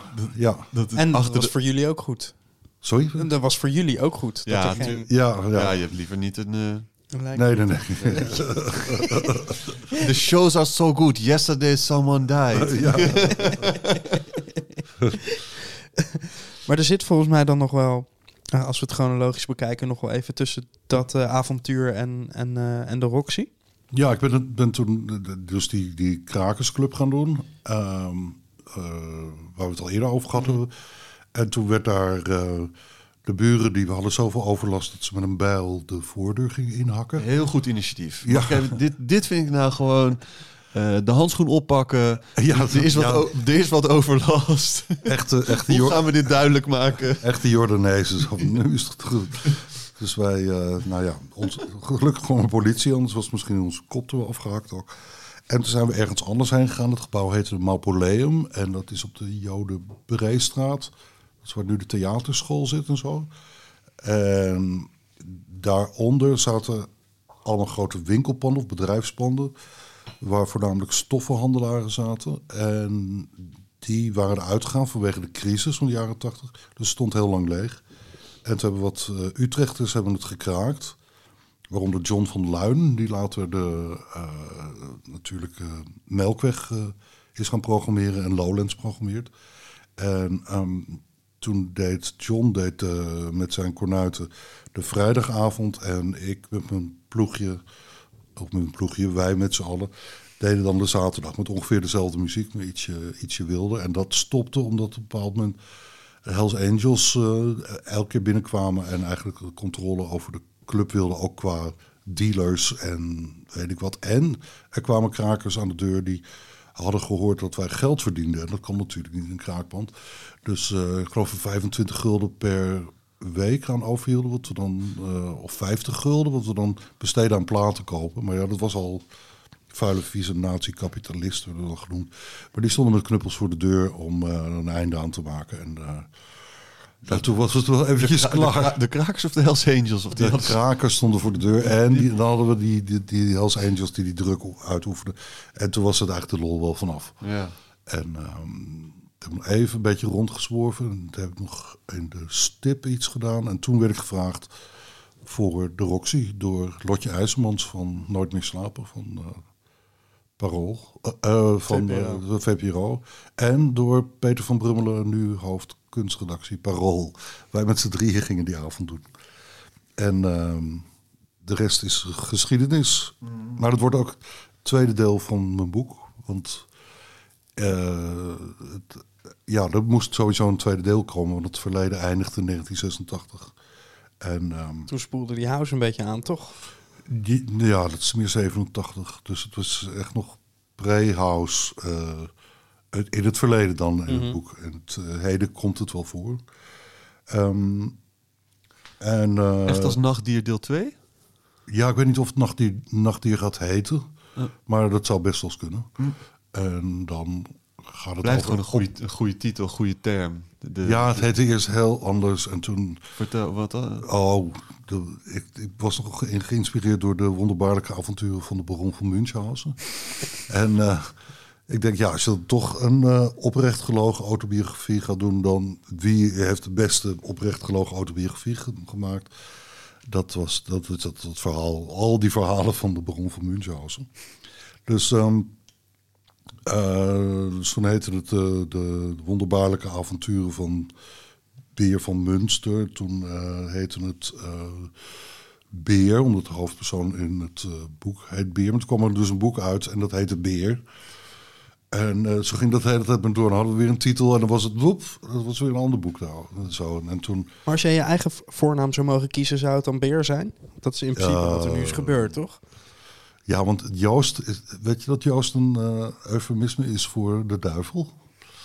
Ja, dat, daarom zeggen ze Joost mag het weten. Oh ja, ja, ja. Ja, omdat mensen nooit het woord de duivel durfde uit te spreken. Dus toen noemden ze het Joost. Uh, maar goed, gaan, komen we toch weer met de duivelse terecht. Ja, dat, niet, niet de meest voor de hand liggende naam was de duivel, Satan. Nou, Joost. Joost. Joost ja. ja. nou ja, zo, daar komt het vandaan. Maar, uh, ja. En uh, op een werd het nachtdier. En dat, dat, ja, dat bleef maar groeien. En dat, ik heb sowieso heel veel met, met dieren. Mm. Ik, ik, hou heel erg van de natuur en ik hou erg van dieren. En ik uh, kijk heel veel uh, natuurseries, dus ook om rustig te worden. Dus ik weet, uh, dus Animal Planet, National Geographic. Ik, je kan mij alles vragen over het paargedrag van de prieelvogel. En nou, vertel er maar eens wat over. Nee. en over hoe heet het, de, de haring trek op, langs de, de de oostkust van Afrika. En wat voor dieren daar dan afkomen om die haringen op te eten en hoe dat werkt. En eh, tot slakken op Cuba, eh, die op uitsterven, met uitsterven bedreigd staan. Dus ik vond het wel mooi om, om dat dierlijke ook in de tekst te verwerken op allerlei manieren. Hmm. Dus er komen heel veel dieren ook in voor. En, en nachtdieren, dat, ja, dat, die zijn er. En uh, ik weet niet hoe, hoe het met ze is allemaal. Luisteren jullie nachtdieren? ik merk dat ik zelf helemaal geen ritme heb, ook nog steeds. Dat ik... Nee, bij mij ook. Ik krijg het er niet in. Nee, ik krijg het nee, niet nee. nee, nee. Dus de, de nachtdieren zijn er absoluut nog, maar ze zijn wel verward, versplinterd. Ja, ja. Ze hebben weer een richting, een beetje richting nodig. 2014 de buurtroman Panda Ogen, nu 2020 Nachtdier. Gaat het weer... 2021, excuus. Ja, gaat, Het, gaat het weer 6, 7 jaar duren? Nou, ik tegenovergestelde. Ik wil eigenlijk dat het in het najaar uitkomt. Maar ik heb geen... dit, ja, dit maar zijn harde afspraken. Hier, nee, dat is geen afspraak. Dat is geen afspraak. Hoe ver ben je dan al? Nou, alleen research. Oké. Okay. En uh, een uh, aantal pagina's met scènes die ik wil bespreken. Een aantal dingen die echt typisch uh, uit, uit de jaren negentig zijn. Die ik niet moet vergeten, waar ik opeens aan denk. Mm. Zoals iedereen zat... iedereen had ijsjes, raketjes. Dat was iets, ja, iedereen zat aan een ijsje te, te lurken. Op een bepaald moment door de perenijsjes. Mm -hmm. Dat uh, had iets te maken met, uh, volgens mij, met ecstasy gebruik. Dat was dan lekker, een ijsje. Mm. Verkoelde en... Uh, en om van die kleine dingetjes, die moet je, die, je moet het wel echt tot leven zien te brengen. En in Nachtdier 1, zo te noemen, heb je allerlei dingen zoals geen mobiele telefonie. Dan heb je in Nachtdier 2 dan ook. als je met iemand wilde afspreken, dat je dan briefjes door de deur gooide. Um, je had sowieso geen telefoon thuis, dus je ging, moest was afhankelijk van telefooncellen. Die waren natuurlijk altijd helemaal smerig en lagen vol met uh, naalden van junks. En, uh, en uh, ik ken iemand die, die in Amsterdam was en dan die was beroofd. En, en een, buitenlandse jongen die was beroofd een taxichauffeur. En die ging daarna ging die bellen en heeft hij geld in de, hoe heet het, in het, eh, telefoonapparaat gegooid. En dan zette de hoorn aan, aan, zijn, uh, aan zijn oor. zat die hoorn helemaal onder de hondenpoep. Dus dat, dat, is, dat schetst wel een beetje de sfeer van de stad in die tijd. Dat was echt heel vies. Dus, uh, en verder, die, die, die, het was echt een tijd dat, dat de dansvloer saamhorigheid bracht. En, maar kwam, dat kwam ook door de ecstasy misschien? Ja, en door de muziek. En door, want ik ben ervan overtuigd dat, dat elektronische dansmuziek met het repeterende ritme, dat dat eigenlijk een oergevoel aan boord wat mensen verloren zijn gedurende de laatste paar honderd jaar. En dat dat weer terug is. Dus het is een soort tribal. Uh, dat is altijd het voorbeeld van, van stammen uit bijvoorbeeld Afrika, maar ook in Zuid-Amerika en weet ik waar nog, waar constante ritmes heel lang doorgaan en mensen zich helemaal laten Wat ben je aan het aftrekken? Nee, ik besefte me terwijl ik het gebaar dat het met- maar aftrekken met twee handen is nooit echt mijn favoriet geweest. Maar het, eh, het stampen van het graan met z'n- met Ja, ja, met ja. een, eh, een- Maar geeft dat Je een- was graan aan het stampen. ja, ja, ik, was- ik, zat, ik hing zo in het verhaal dat Ja, ik zelf. We dachten dat je aan het aftrekken was, maar je was gra- graan aan het stampen. zo? Maar die twee hebben wel een hele directe relatie. Het kaf van het koren. maar, maar weet je, dat, dat, dat, die, die, die beat gaat door. Daardoor raak je in een trance met of zonder eh, eh, middelen. Want in de jungles van Zuid-Amerika kan men er ook wat van. Ehm, Maar daar zitten ze ook aan eh, Amazon-achtige wortels, toch? En zo. ja, ja, ja, ja. ja, ja. Oh, zo, ja. ja, ja. En in, in Bahia, eh, Ja. grote provincie, daar hebben ze ook allerlei dingetjes. En, eh, Mm. Ik heb een deel van het boek ook in Bahia geschreven.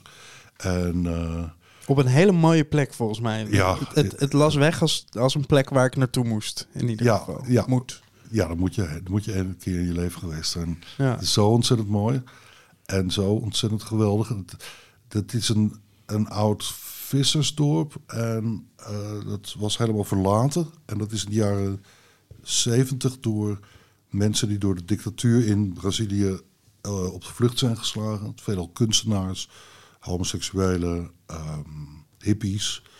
Die zijn gaan lopen door, eh, zijn vanaf Porto Seguro, dat is een, nou, het zegt al Porto, een havenplaats, zijn ze door de jungle gaan lopen en kwamen dat dorp tegen. En zijn daar in die huisjes getrokken. Dus het heeft eigenlijk dat, datzelfde wat, wat Ibiza ook had, weet je wel, dat, dat, dat soort vrijheidsding. En je kan zijn wie je wil en kan een man kussen op straat. En het, is, het maakt allemaal niet uit en het is... ehm, ja, het is kleurrijk, eh, creatief. Het, ja, het is sowieso wonderschoon en de natuur is waanzinnig. En dan heb ik natuurlijk een vriend die daar een hotel, of vrienden die daar een hotel zijn gestart eh, vanaf scratch. En eh, dat hotel is dit jaar verkozen tot, door Condé Nast Traveler tot nummer één hotel ter wereld. Ja, dus het is echt wel wow. En, maar het is zo'n goed hotel dat je aan de buitenkant zie je niet dat het een hotel is. Dus de, de naam staat er bijvoorbeeld helemaal niet. En eh, het, het gaat helemaal op in het, in het dorp. En, in het, en ze zijn ook heel erg vervlochten met de lokale bevolking. En ze doen ook heel veel goeds voor het dorp. En eh, ja, dat is een wonderbaarlijke, wonderbaarlijke plek. Want ze, ze hebben ook een actie op poten gezet om zichzelf en het dorp te redden. Ja, toen, ik moest vluchten als het ware, nou, bijna als een dief in de nacht ben ik met hoofdpersoon Mark in het boek eh eh, vandoor gegaan. Omdat het dorp leeg stond, waren geen toeristen meer. Dus de hotels gingen dicht, de restaurants gingen dicht. Iedereen stond op straat. Is, mensen hebben geen buffer, hebben geen spaargeld. Er is geen, eh, zijn geen uitkeringen. Geen staatssteun. Nee, dat was niet, nee, allemaal niet. Dus opeens was het ja, wel best wel paniek en werd het ook wel grimmig. Het was daarvoor echt paradijs, want dat veranderde wel. En, en eh, dat veranderde opeens. En ik weet dat Mark in het boek eh, ook bang was om naar buiten te gaan. En eh, ik moest op een bepaald moment naar buiten omdat ik medicatie nodig had. En ik, want we wilden eigenlijk langer blijven. En zo van, we, we blijven gewoon hier. We bouwen een self-sustainable eh, eh, ding op hier in dat hotel. Want, en er zijn wat zwembaden, gaan we vis in kweken. En we gaan eh, leggen tuinen aan, komen de groenten uit. En eh, het was helemaal een waanzinnig plan, maar dat was, bleek toch een beetje naïef te zijn. En ehm, eh, toen kregen via de buurt-app, eh, zag eh, die Mark dat het... eh, dat de Europeanen de schuld kregen van eh, corona. Wij hadden het naar eh, Brazilië gebracht. Dus ehm, toen was het echt niet meer safe. En ook omdat je zit op een plek, het meest luxueuze eh, resort in, eh, in, eh, in, in Zuid-Amerika. Tenminste, niet op, op zo'n glamour manier, maar toch, weet je wel, de, de superrijken komen daar en de grote sterren komen daar. Ehm, Terwijl niemand in Brazilië weet wie ze zijn, dus dat is ook heel handig. Maar we moesten er gewoon weg omdat het te gevaarlijk werd. Omdat ze, en toen heb ik Mark heb ik, eh, een paar dagen niet gezien voordat we weggingen. En die heeft toen met eh, mensen van het hotel en een stichting die hij daar heeft. ehm, die stichting is er normaliter voor kinderen om meer te leren over de rest van de wereld en over natuurbehoud. En geloof ik, ongeveer zo. Eh, die stichting is geld gaan inzamelen voor voedselpakketten. En omdat het hotel zulke rijke gasten heeft. En omdat uh, in de buurt allemaal villa's uh, zijn van uh, de superrijken. Soms een tweede, derde, vierde, vijfde, zesde, zevende, achtste, negentiende huis of zo. Um, uh, zoals bijvoorbeeld de, de, vader van Thomas Baltang van Daft Punk, die woont daar mm. in de buurt. Daar ben ik ook wel eens langs geweest. Uh, maar goed, die zijn allemaal geld gaan storten. En ik had eerst oh wat nobel allemaal. Mm. konden 1100 gezinnen onderhouden ja, opeens. Zelfbehoud. Ja, maar natuurlijk, ja. ja, toen zei Mark, zei, dat, ja, dat is zelfbehoud. Want als we dat niet doen, dan, dan, dan komen ze onze ons eigendom binnen en gaan daar pakken wat ze pakken kunnen. Mm -hmm. dat is dus niet gebeurd. Dat is niet gebeurd, nee. nee. En, Want ze voelde het wel een beetje toen ik het las. Van, oh, ze gaan er nu weg. En dan, is het, dan gaan ja. alle ramen eruit. En, uh... Nee, het is, het, het, het, is heel goed gegaan met het dorp. En iedereen heeft goed voor elkaar, heeft op elkaar gelet. En het waanzinnige was ook, er zit een, een drugskartel in de buurt. Die is gaan samenwerken met de politie. Wow. Uh, als ze dat niet al deden, maar ja, ja. Om, um, om te zorgen dat de boel niet naar de Filistijnen ging. Omdat als, als het dorp kapot zou gaan, dan ging eigenlijk alles kapot. Dan is de, dan, ja, dan, dan, was, dan was het echt afgelopen. En nu bleef het dus uh, overeind staan. En kom ik later op het woord elitepaniek. Elite zorgt dat het volk rustig gehouden wordt, zodat het niet hun, uh, hun eigendom wordt. Ja, ja, ja, ja. let them eat cake, maar dan, uh, maar dan uh, let them eat een voedselpakket. maar, maar het is wel... Ja, het mes snijdt aan twee kanten. Je kan zeggen van ja, het is eigenlijk heel nasty of zo, maar dat, dat, zo voel ik het niet. Het is, het, is, het is heel mooi dat dit heeft kunnen plaatsvinden, dat al die mensen gered zijn. En, en zij zelf ook.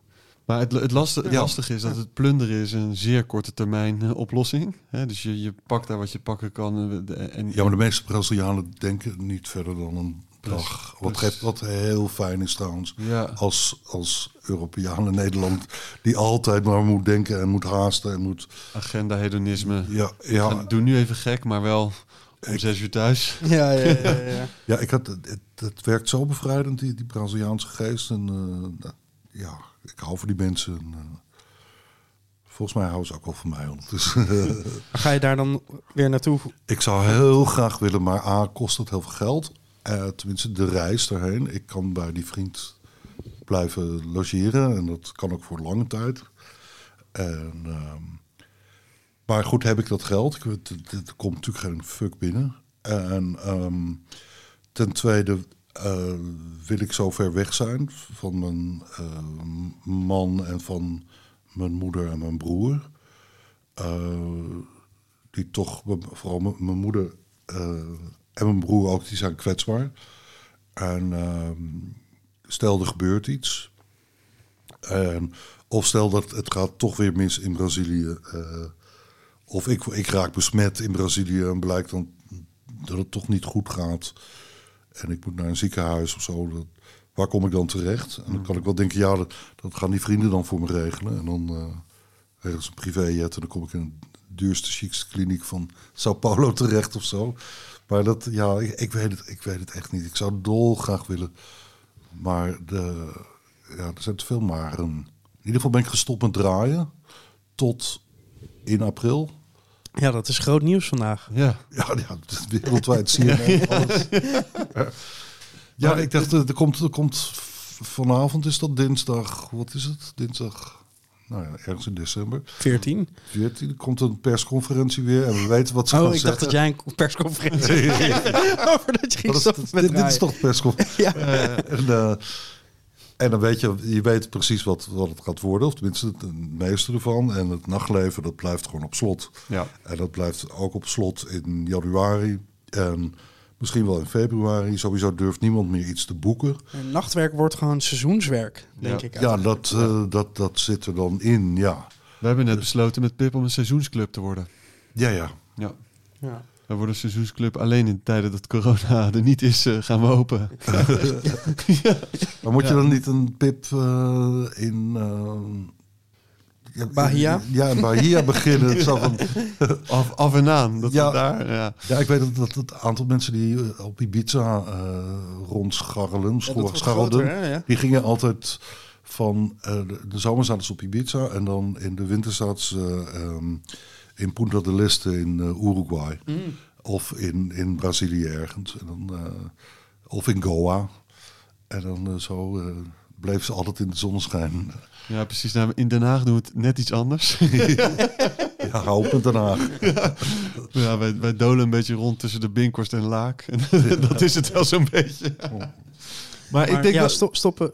Stoppen, ja, Ja, inderdaad. Even terug naar het stop, stoppen met draaien. Want het voelt alsof je een klein beetje controle hebt genomen daarmee over die onzekerheid. Ja, ja, ik wil controle over mijn leven. En het is de afgelopen eh, twee jaar is dat lastig gegaan. En met constant verzetten van ehm, allerlei gigs, maar ook jezelf weer opwarmen. Of, e- eerst was het zo, ik moet iets doen, moet toch iets gaan organiseren. En dan ga je dingen proberen. En dat ging eigenlijk heel leuk. We verdienden geen klap aan. Wat deden de Cockadoodle Country Chorale met alleen maar country muziek. En Beetje met- terug naar het begin weer eigenlijk. helemaal terug naar het begin. Zo van wat, eh, waar gaat vermaak over en samenkomsten over. Dat is rond een haard eh, of een kampvuur zitten, verhalen vertellen en eh, liedjes zingen die verhalen vertellen. En countrymuziek heeft altijd liedjes. En toen dacht ik eerst, eh, nou, de, de, de, de eerste val is, het is eh, eh, white privileged redneck muziek. Nou, daar kwam ik al snel achter dat het helemaal niet zo is. En dat de cowboy in, ehm, eh, door Hollywood als wit, wit gewassen is, om het zo even te zeggen. Want een derde van de cowboys waren zwart. En een derde waren Mexicaans. En een derde was wit. Dus, ehm, dus dat ging allemaal door elkaar heen. Toen dacht ik, ah, het is natuurlijk homofoob. Maar nee, we hadden natuurlijk al eh, eh, eh, Bareback, Mo- Bareback Mountain. En dat is een andere film. Brokeback Mountain.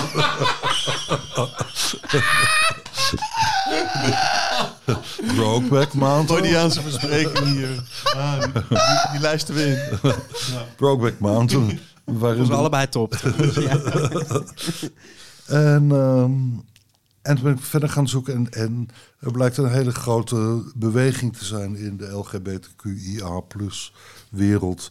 Die countrymuziek omarmt en daar ook hun verhaal vertelt. En dan had je natuurlijk Lil Nas die met zijn eh, rodeo eh, ding kwam. Maar er kwam ook... eh, ehm, nou, heet die? Met die...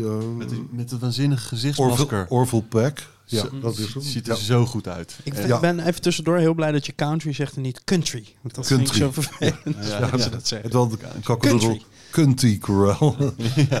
en, maar goed, toen deden we dat. En het was heel erg leuk bij het Rijk van de Keizer. We hebben op de lievelingen Heb gedaan. jij een, eh, kun je ons één eh country track, eh, een nummer eh, gunnen die we kunnen draaien? Eh, ja, ja, moet ik even kijken. Ik denk iets van Orville Peck. Mhm. Of anders van Trixie Mattel. Een van RuPaul's drag stars. Oké. Die dus ook heel mooi en goed kan zingen. We've been going for a while, we've been going strong. Hard here to believe in all the years have come and gone when we put our hands together, key into a cage. Every story started when I found you on the page, and I still remember where I was when the feeling changed and how I burned my tongue when the ceiling caved in. Where do you go when the gold is gone? When the old front lawn's turning gray? Will you grow from those cold blood wrongs when those old love songs start to play? Do do do do do. They start to play. Do do do do do. Maar toen, toen was het zo dat iedereen op zijn plek moest blijven zitten. Ja, en Ja. geeft mensen twee, drie glazen wijn en, en bier. En dat is, eh, dus je was alleen maar politieagent. En, en een keer lukte het, maar toen ging het ineens heel hard regenen. En toen was ineens iedereen wop op elkaar. En dacht, shit, dit gaat helemaal verkeerd.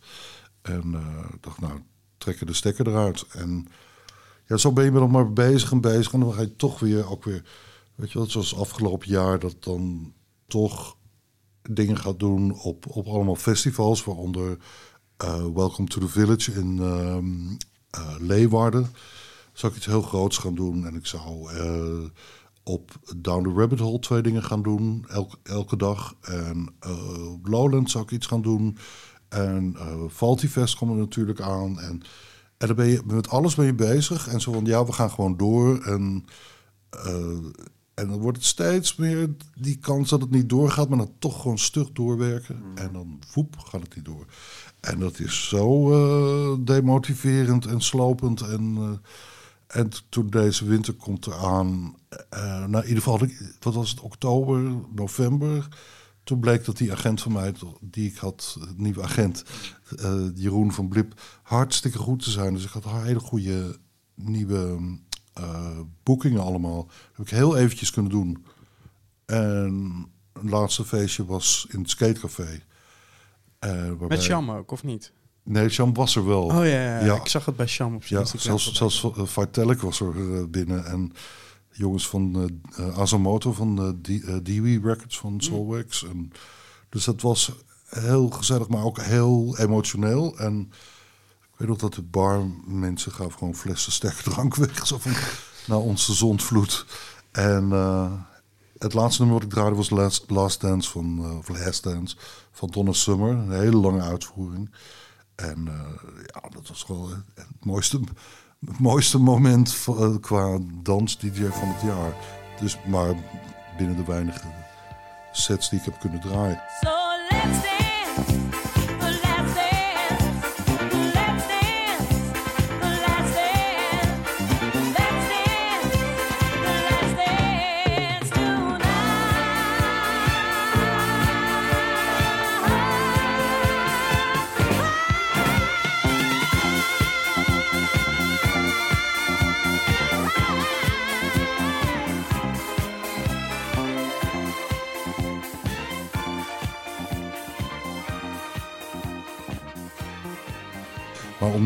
Gaan zitten wachten en plannen te gaan maken. En te zien dat je agenda eigenlijk alles wat er al stond uh, omgevallen is. Nee, ik, ik, ik kan niet meer hopen ook. Zo van, laten we hopen houden dat het goed is. Als je hoopt, dan, dan zit je in een situatie die niet goed is. En dan hoop je dat het beter wordt. Ik moet, veel, moet gewoon terug naar een situatie waarin ik niet hoef te hopen. En waarin ik tevreden ben. Mm. En dat is moeilijk, maar dat kan ik alleen maar doen door op het moment te leven en geen onrust om me heen te hebben. Of van ik moet straks zo doen, want dan kan misschien. Nee, al die, die ruis moet weg. Dus ik heb besloten die DJ-stekker eruit te trekken en de dan om mijn hand, DJ-handdoek op de dansvloer te gooien. Mm. En um, tot in april. En in die tussentijd ga ik werken aan Nachtdier 2. Alsof de duivel, er is die weer maar op de hielen zit. Ik wil dan toch, toch een uh, moeilijke vraag stellen. Yes. Want uh, het is in, in, principe een redelijk veilige keuze die je hebt gemaakt. Want de vooruitzichten zijn niet echt dat we uh, ergens voor april toch weer dingen kunnen doen. Maar stel nou, poef, de boosterprik. Het, hele, het is allemaal weg. En in februari gaan de clubs weer open. Ga je dan... Nee, dan ga, ben ik nog steeds tot in ja? april. Want ik had eigenlijk al gepland dat ik in februari en maart zou gaan schrijven. Mm. En toen had ik nog zoiets van... Ja, maar stel dat het straks wel weer kan... Ja. ga ik dan het, uh, al het verloren geld kan ik dan inhalen? Want van boeken schrijven wordt misschien vijf man of tien man in Nederland wordt er rijk van, schrijvers. Dus de, dat is niet de oplossing voor mijn financiën. Um, maar ik, ik, heb, ik hou gewoon vast aan ik ga schrijven en, mm. En dan maar uh, minder uitgeven en uh, uh, geen nieuwe kleren kopen en ja, dat soort dingen. En mm -hmm. ja, niet meer uit eten, dat kan al eigenlijk bijna niet meer. Maar dat deed ik al heel lang. Sinds corona niet meer. Heel lullig, maar ja, ik had gewoon geld niet meer voor. Ja. Iedereen denkt dat, ja, oh, die van Bellen, die heeft een huis op Ibiza en die heeft een privéjet of zo. nee, dat dan niet, maar dat, dat, is echt niet zo. Ik heb, ik heb altijd op, op grote voet geleefd en heb daar iedereen van laten meegenieten altijd. En, eh, dus mijn buffer is, eh, is niet zo groot. Maar toch wel fijn dat als je dan in zoiets snijdt, dat je het wel kan redden. Toch? Ja, Uit maar- eten gaan, hoe, hoe leuk dat ook is. Ja, ja en ik, ik kan subsidies aanvragen voor schrijven. Mm. En dat, omdat nu nachtdier gelukt is, kan, maak ik daar meer kans op. Ja, nou Steven vroeg dus net aan mij, eh, mag ik dan dat boek lenen als, het, eh, als ik het uit heb? Maar ik ga het dan niet doen, zodat hij moet kopen. Ja, want, Goed punt. Vrek. Goed punt. Want jij, jij hebt wel veel geld. Ik heb, ik, heb, ik heb hem stiekem gekopieerd bij de Albert Heijn. Dat is waarschijnlijk duurder dan dat net, kopen. bleek net 1,20 euro Maar ik, heb, goedkoper. ik heb nog nooit een boek uitgeleend die ik heb teruggekregen. Nee, ik ook niet. Nee, dat is Dus heel ik ben daarmee gestopt. Nee, maar dat is ook heel goed. Die, die zes boeken die je hebt, die moet je houden. Ik heb van jou nog eh, kogels en koffie. Die krijg je ook niet terug. Nee, want die ben je vergeten in Spanje. Nee, in die het hebben ze mee teruggenomen. Ik zag het inderdaad. Hebben ze wel mee Eh, teruggenomen voor je? Die heb je niet terug. Kogels en koffie. Koffie en kogels. Koffie en kogels. Ja. Ken ik niet. Ja, het Het is, is een, een steengoed boek eh, over een eh, Haagse gangster uit Laak. Schilderswijk in de Ja, jaren ja, ja. 80. ja, ja. Ja, Kerstbomen rausen. In, in, geschreven in de gevangenis. Ja. Oh, dat klinkt goed. Ja, het is, Ja, ja, het is ja, een, eh, Heel veel cocaïne. ja, En, ja. en geschreven als een kinderboek, Ja. zeg maar. Of, Oké, als, dus, eh, alsof geschreven door een kind. Ja. Zo- zo. Ja. heel veel slechte beslissingen. Net als, net als het boek schrijven. Dat is waarschijnlijk Ja. ook niet moeten doen. Nee, maar toch mooi. Je, je zei om te overleven eh, moet ik niet hopen, maar leven in het nu. Terwijl Ja. juist het, het vieren van het leven in de nacht, dat is juist ook dat nu zo ervaren. Ja, ja, dat is er dus niet. En je zei dus al, wandelen is één ding. Dat is veel leven in het nu, ja. Ja, schrijven is, Slapen. is, is- is slapen in het nu. Wat, wat is, Ja, is er nog iets wat je Eh, ons mee kan ja, geven? ja, er zijn van die mindfulness eh, apps. Ja, En dat Die- probeer die ik wel, maar dat, dat vind ik toch lastig. Ehm leven het nu, ja, ga koken. ja. Vind ik heel fijn. En, eh, en, eh, Wat is je signature dish dan? Nou, we het er toch over hebben. Nou, ik ben de risotto koning van Amsterdam-Oost. Kijk, nu komen we ergens. Ja. Ja, Wij, zijn al, wij zijn al jaren bezig met een kookboek. Ja, ik kreeg weer allemaal DM's van mensen. Waar blijft dat kookboek? We Maar zijn oké. van plan om er nog tien jaar mee bezig te Ja. zijn. We willen nog. Maar wa- wa- wat is het geheim van de risotto? Ja. Eh, risotto geduld. En, ehm, en ongeveer, ja, gewoon... Nou, geduld en goede rijst. Goede en, rijst. En de, de lekkerste risotto's zijn misschien wel de meest simpele, zoals een peterselie risotto. Waar, en, en heel voorzichtig omscheppen, toch? ja, ja, ja, ja, ja. Het vliesje ja. mag En- niet breken. En een heel, he- gewoon een hele klein beetje bouillon er telkens bij. En niet meteen zo op flop, flop erin gooien. Maar ik heb, bij een paella werkt het bijvoorbeeld anders. Dan moet je, eh, dan heb je de rijst, die, die, die moet je verhitten en dan doe je de bouillon erbij. Of, of tenminste, ik heb een paella, dan doe ik eerst een halve liter sherry geloof ik in. Dat- Groente paella, dat is wel heel lekker. En, ehm, en bij risotto gooi je af en toe dan een glas witte wijn erin. En dan hoor je die, die, die rijstkorrels je zo... Gooi je zo op Je hoort ze het drinken. en dan die hoort ze dat opzuigen. En dan, en dan gooi je elke keer een, een beetje ehm bouillon erbij. En dat doe je, nou zeg 17 minuten. Want je moet niet zorgen dat je... Want het, duurt meestal 20 minuten voordat hij echt goed klaar is. Dat, eh, dat die korrel net nog goed bite heeft, maar niet drogerig is als je hem doorbijt. Dus je moet ook niet te veel eh bouillon erbij gooien. Joost, Ja, het is als- heel- Als jij, als is jij een koksmuts opzet, dan ben je gewoon een chef. Ja. Je Ja. bent een, een DJ gevangen in het lichaam van een chef. Moet ik even kijken of het nou een compliment is. Het is een compliment. Nou, het is een compliment. Ja, nou dankjewel. Moet je heel vaak met Justin mee op. eh, Even nog, even nog drie keer zo. Wacht even, wat zei je nou? Ik heb gelachen. Ik, ik voelde me er goed bij. Maar achteraf. Nee, maar dat zijn ook wel van die cliché eh, koks met een... Wel cartoons van. En die dan eh, met zo'n... eh, met een vinger in een prima, een lekker tekentje met een snor en eh, koksmuts en een dikke, dikke, dikke biggentoet. Zo lachend. Nou, daar kan ik me wel in vinden. Ja. Maar nog even, je wil indruk maken. Eh, er komen wat mensen op bezoek hier zo bij jou thuis. Dan maak je dan een peterselie risotto? Nou, dat zou ik kunnen doen. Oké. Ja. Ja, ja, ja. Op een mo- een moment zeker, want het is niet zo duur. ja. Toen, toen we het net even over, of toen je het net aan het vertellen was over, die, over country en over cowboys. Zag ik ook jou eh, met zo'n cowboyhoed en een cowboylaarzen voorbij lopen? Volgens mij Is dat een compliment? ja. is dat Ja. eh, iets wat ik op Lowlands heb gezien eh, in de, in Oh, de dat was de, Twister. de Titty Twister. Was, ja, was niet zozeer een cowboy, maar wel... eh, nou, wel een beetje sheriff-achtige... nou, ben je gewoon een vuile, vieze rocker. ben je een beetje Lemmy van de Motorhead? Ja. Die, eh, oh ja, dat was, er was helemaal geen cowboyhoed inderdaad. Maar er Ja, waren was wel cowboy... Ja? ja, Lemmy had ook een cowboyhoed. Oh ja, ja. Dus die channelde ik een beetje. Ja, ja, ja. Had alleen die vrat niet. Die, Nee. Ja, het was gelukt. Goeie plek was dat ook, Titty Twister. Ja, ik wil het zeggen. En, en de Titty Twister is gebaseerd op die eerste kraakclubs die in Nachtdier staan. Mm. Ik weet dat Erik van Eerdenburg, die vroeg me eh, het jaar voor de Titty Twister, eh wat op Lowlands, zei hij van, ik wil iets neerzetten wat dat was, die Armageddon en de Armadillo. En, ehm, en ik dacht, hé, hoe wil die dat dan doen? En, maar dat bleek dus echt serieus te zijn en dat werd de Titty Twister uiteindelijk. Ook natuurlijk met From Dusk Till Dawn, eh, die film Ja. werd het gemengd en toen, toen kwam eh, de Titty Twister eruit. Maar gekke acts heb ik daar wel eh Ja, maar iedereen die daar stond had iets geks. Ja, het was... In mijn herinnering ook. Ja, dus het...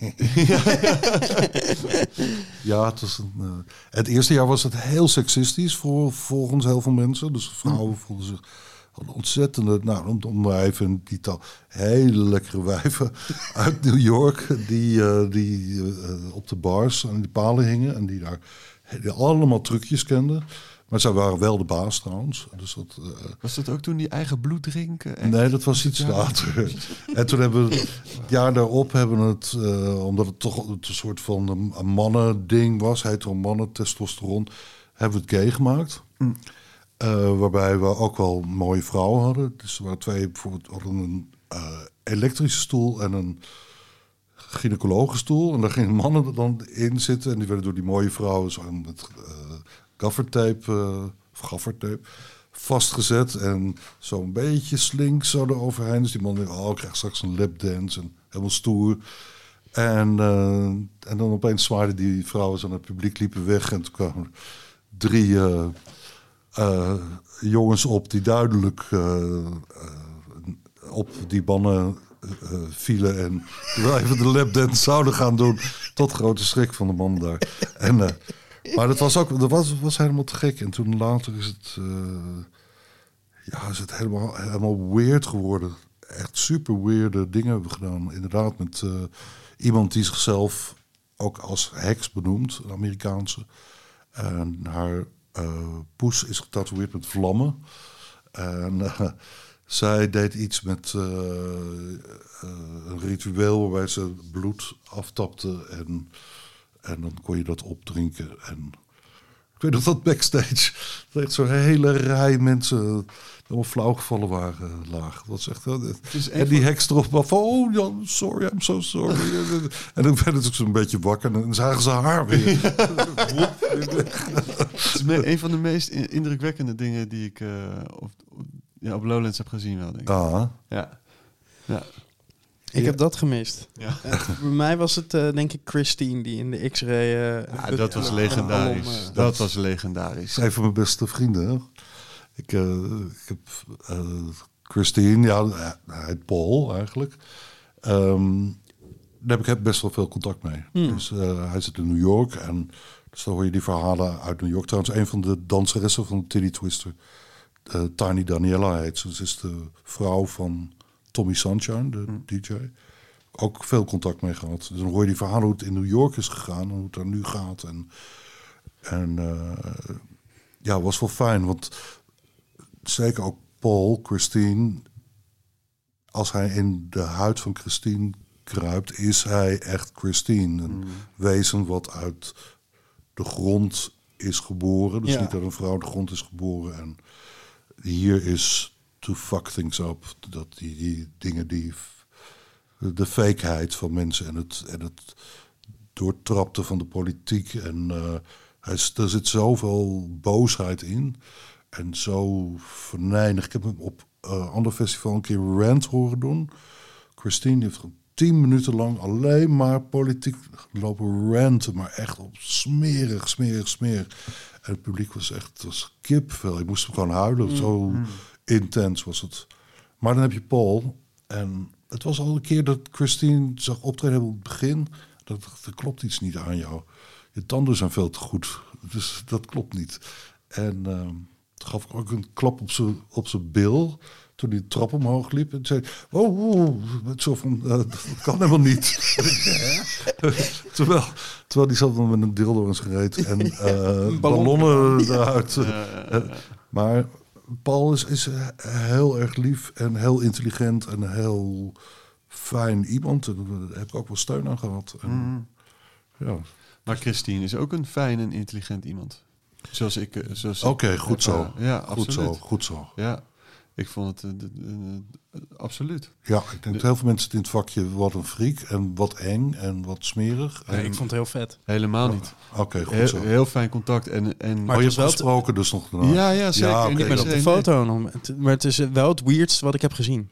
Ja, het was, het was, ja, het was Op, op Lowlands, ja. op, de, op die rider. eh, want ik werkte dan in de XRS-presentatie. En op die rider stond eh 15 heliumballonnen inderdaad. En niemand kon dat plaatsen. Tot het dus inderdaad Ja, ja. de, de, de act. Ja, ja. Sowieso een legendarisch beeld wat ik nooit zal vergeten. Vlak voordat hij opging, eh, ging hij nog even pissen. En hij stond dus al met die heliumballonnen uit zijn reet. Tegen, een, tegen een helverlichte groene achtergrond. Ja, het was dus de stoom van zijn pis. Eh, en vervolgens eh, ging hij het podium op en deed hij act. En die buttplug of het ding ging uit zijn reet. En die liet hij los boven het publiek. Oh, Iedereen gilde. Maar vervolgens ging dus het hele publiek weg. En daarna kwam een volgende act. Maar die buttplug aan die ballonnen hing nog steeds boven het publiek. Maar Maar het publiek liep, liep weg bij Christine? Of Nee, dat was toen het klaar was. na afloop Ja. van de show. Ja, ja. Dus maar vervolgens daarna kwam een totaal andere act. Ik weet niet meer even precies wat. Maar het publiek wist natuurlijk niet. Had helemaal niet door. dus die was helemaal lekker integer naar volgende act aan het luisteren. Terwijl die buttplug zo boven... boven ja, mooi. ge- gehuild van genot. Ja, Echt, ja, natuurlijk. dat, dat is echt Lowlands. Ja, de- echt een hoogtepunt. Ja, zo goed. Met nog een paar eh, pruikharen aan, eh, aan die eh buttplug hangend. Ja, wereld. Ja. Ja, ik heb hier trouwens ergens in huis, ik weet niet of je Lee Bowery kent. Ja, ja. Performance kunstenaar, eh, origineel uit Australië. En die eh, Londen in, op zijn kop zette in, eh, vanaf midden jaren tachtig. Had ook een club die heette Taboe. Waar eh, ja, alleen maar, kunstenaars en, en sterren kwamen. Maar het was heel, heel decadent. En eh, eh, schopte tegen de taboes aan. Dat deed hij met een eh, partner van hem, ehm, Trojan. Trojan heeft zijn oor nog afgesneden in de club. Dat was als een soort statement. Ja, dat soort- zo'n soort club was. En Lee deed ook deed shows in de Roxy. Waarvan ehm, eentje met zijn volle band, Minty. En had hij een pak aan, een soort, Margaret Thatcher. eh, en dan in Schotse ruit. Een panty over zijn gezicht. eh, met daarin het soort dingen waardoor zijn gezicht anders leek. Dus vervorming. Ehm, en op die panty make-up gedaan. En dat, dat mantelpakje was enorm. En hij waggelde een beetje erin. Een soort Michelin mannetje meets Margaret Thatcher in Schotse ruit. Kan je iets voor je Ja, wel voorstellen? oké, Goed, ja, hij, heeft probeer drie, hij, heeft, hij deed drie, drie nummers en dan zei hij oeh, oeh, oeh, oeh. En viel hij achteruit over een, eh, over een flightcase. Spreidde zijn benen en gaf geboorte aan een levende volwassen vrouw. Dus er zat iemand in dat pak die dus al een kwartier ondersteboven dat pak had gezeten. Met nepbloed en eh, ik weet nog dat ik langs de slagerij moest om Engelse worstjes, want het zijn van die kleine worstjes, te, te halen. En andere worsten, soort darmen eruit eh, te ruiken. ruiken.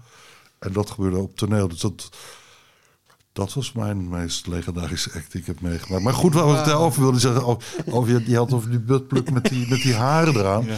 Eh, Lee Bowery tapte bij andere outfits tapte die zijn piemel naar achter. Ehm, en dan plakte hij een, een neppoes van schaamhaar van haar, een soort kutpruikje. Een merkin noemen ze dat in het Engels, heel chic. En toen Lee overleed in eh, oud en nieuw 94, 95. eh, toen daarna heb ik eh, wat dingen heb ik geërfd, waaronder twee van die pruikjes. Die heb ik ingelijst en daar zie je ook nog zijn eigen haar aan en het, eh, de, de make-up, de pancake die die hij gebruikt om het soort van in te... Lieb, Liebauer staat ook in het boek van eh, Cleo een paar keer. Hmm. Maar goed, sorry van buttplug naar eh, het, ja, het bruikje. Sowieso. We gaan niet winnen van jou met dit soort verhalen. Maar en, en is, je wees net ook al even naar het, boek van Cleo, waar we het eerder over hadden. Het boek van Roxy. Ik zag trouwens je onderarm ook het eh, Roxy-logo getatoeëerd. Ja, die, ja, Ja. ik heb nooit tattoos gewild. Of ik dacht, ja, doe het alleen als het echt, echt... Mm. En toen zei Shirley, goede vriendin van me, die zei... eh, ik, wil, je- ik wil je een tattoo cadeau geven. En toen dacht ik, eh, en dat was dus eh 2020, het najaar, geloof ik. En toen had ik zoiets, ja, alles is toch anders, waarom doe ik dat niet? En toen dacht ik, we mogen de club niet meer in. Waarom ik dan niet de club die in mij zit, naar, niet naar buiten komen? Dus het omdraaien als het ware. Dus het is Roxy-logo. Ik moet eigenlijk nog het rouw-logo ergens tatoeëren. En ja, dan, dan is het natuurlijk los. De speedfiets-logo. Enzovoorts. Nachtdier-logo. Ik denk dat een hoop mensen die eh, naar Bakkie Bakkie luisteren nog nooit in de Roxy zijn geweest. Dus misschien kun, kun je het een beetje proberen te omschrijven. Het was een oude bioscoop. Ehm, ik denk uit eind 19e eeuw, begin 20e eeuw. Ehm, met een, balkon, zoals dat in bioscopen eh, ging vroeger. Of nog steeds wel is.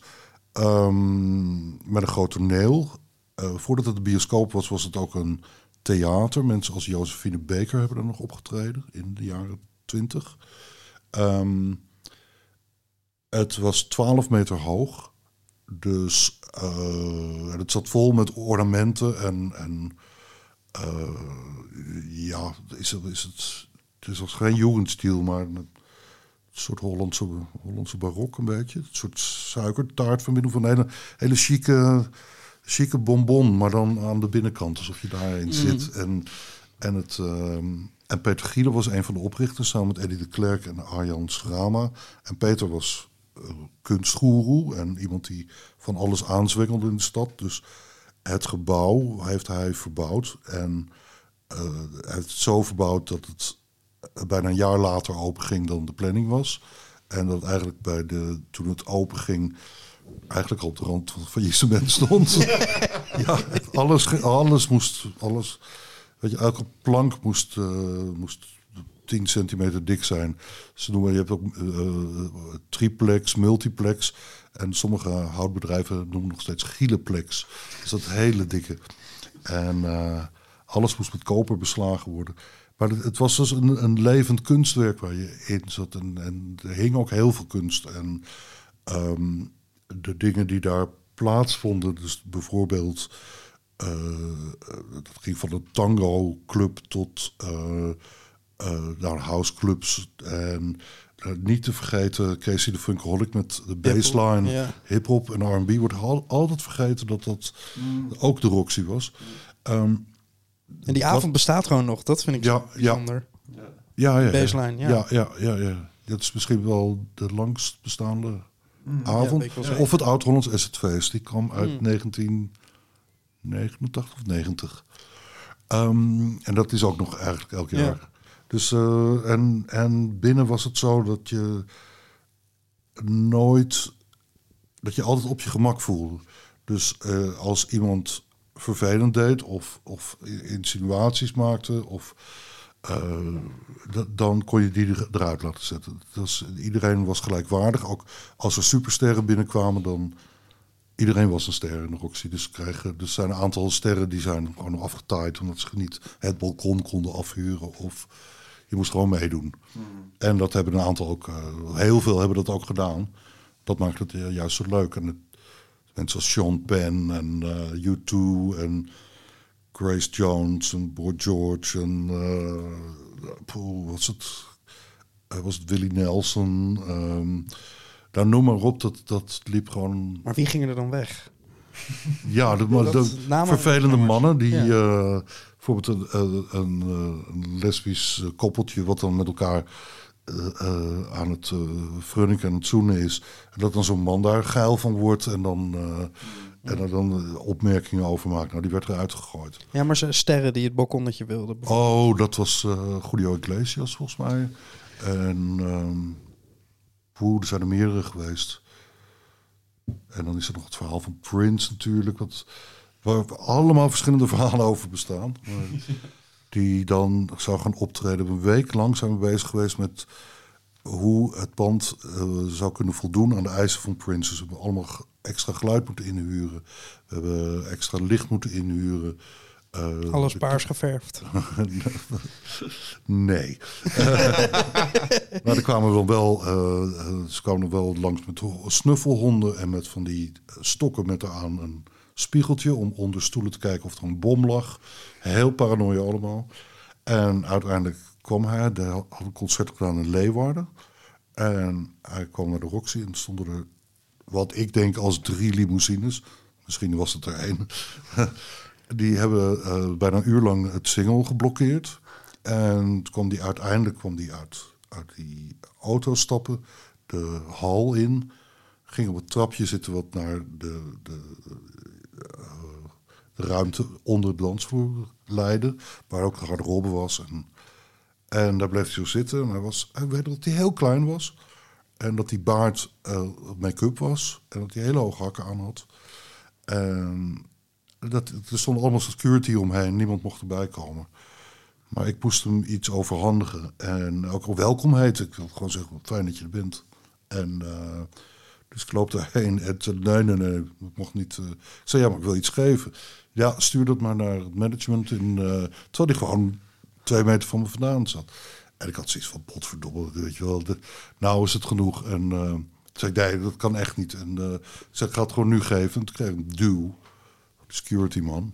En eh, ik dacht, ja, wat moet ik hier nou mee? En, en toen zag ik hem even later. eh een prins zat op dat trapje en er was een, een, een deur met glazen ruitjes. En je zag echt die mensen zo helemaal hun gezicht ver, ver- verdrukt tegen die, tegen die glazen ruitjes aan. Een soort horror vleesmassa van ogen en lippen en neusgaten. En, en hij zat er even en toen stond hij op en toen trippelde hij weer zo het band uit. En heb je dan een week lang voor ja, dus ik had echt iets van, oh, verschrikkelijk. Nou, en toen heeft Jet Brandsteder, de koningin van de Roxy... die heeft eh, de hele Prince-platenverzameling van de Roxy... eh, aan diggelen getrapt en gestampt. ja, dat was eigenlijk misschien ook niet zo slim. Maar goed. want, want die platenverzameling was wel heel erg mooi. En die is een soort van... ja, beetje disco demolition-achtige... ja, maar sowieso hebben heel veel mensen hebben uit de plaatsverzameling platen kunnen halen. En ik weet dat het voor het Eddie de Klerks trots is geweest om die plaatverzameling zo goed mogelijk te krijgen. Later nam je natuurlijk je eigen platen mee. Maar in het begin stonden er, was er de verzameling van Hmm. Roxy zelf. Ja, daar hebben we in, in de afgelopen seizoenen meerdere mensen over gehoord. Dansen bij Jansen. Ja, gewoon bepaalde plekken. En dat, is, dat, is, dat zie je toch niet meer. Hè? Dat, Nee. gewoon, dat clubs een eigen collectie hebben. Ja, waar je ook eh, toch een, de- waanzinnig. De sound van de club en ook het vertrouwen van, van eh, eh, benieuwd wat jij eruit selecteert. Ja. Ja, nou ja, het was zelfs zo dat je helemaal geen platen meenam. Of Nee, twee of drie. En ja. Je had daar de, De- de hits, zoals, eh, of de dingen die gedraaid moesten worden. nou, eh, nu we er toch... Wat moest er gedraaid worden? oh, eh, Als jij ging draaien. oh ja, nou, als ik ging draaien, hoefde er helemaal niks. Nee, maar voor, je- voor je eigen gevoel. Wat, wat, wat, eh, Ja, maar eh, helemaal aan het begin was het een soort ratje toe. Ik, eh, ik draaide als een soort Too Many DJ's. Mm. Maar dan... Maar ik kon alleen niet mixen. Ik weet niet of je dat... dus maar het ging van Johan Strauss tot eh, Metallica tot ehm, eh, ABBA tot... eh,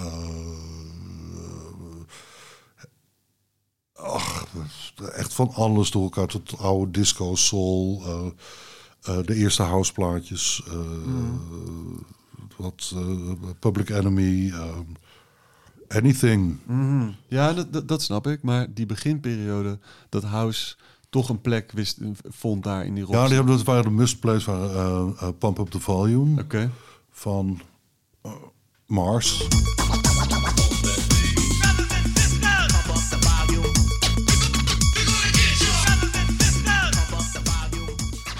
Ehm, Love Can Turn Around van Daryl Pandy. Love can turn around.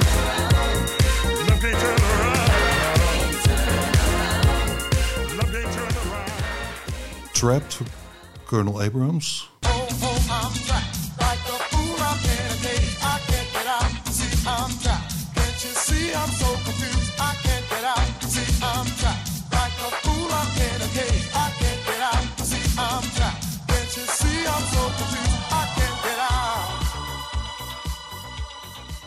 Nou ja, dat, dat was een beetje zo de sound. En dan die, die allereerste eerste house dingen die er die dan zo echt tussenin werden gedraaid.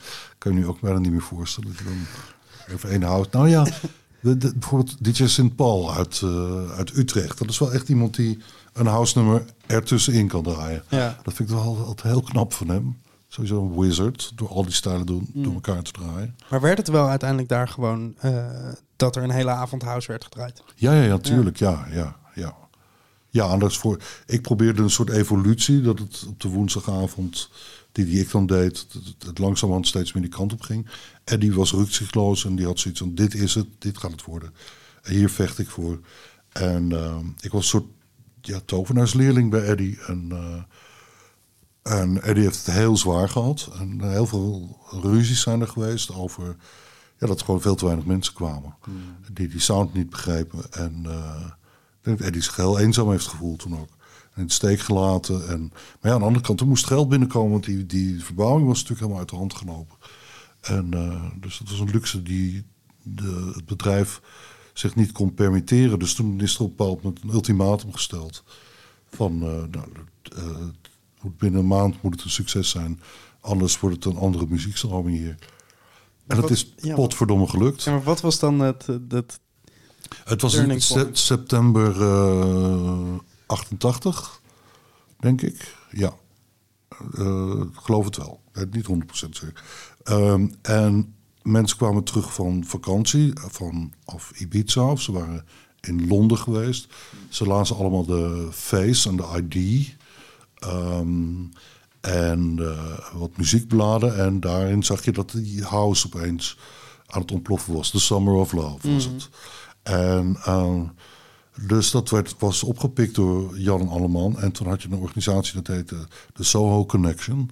Dat waren Mas Weston, die nog steeds, die trouwens hier achter woont, die eh programmeur is in Paradiso nu. En onder andere verantwoordelijk voor de Gouden Kabouters. Ehm, Paul J, DJ. Ehm, Johnson, DJ. En eh, eh, Graham B, DJ.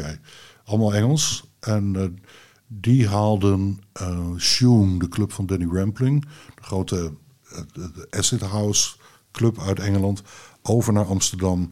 En die hadden een weekender. En dat duurde volgens mij drie dagen. We vonden volgens mij één keer het Hotel Arena. één keer in een eh, oude loods op een van de eilanden. Die toen nog leeg waren. KNSM-eiland, Java-eiland. Was, was, dat, er waren geen huizen. En nog een keertje volgens mij op de Weesperstraat. Deden ze een rave. En Roxy had een...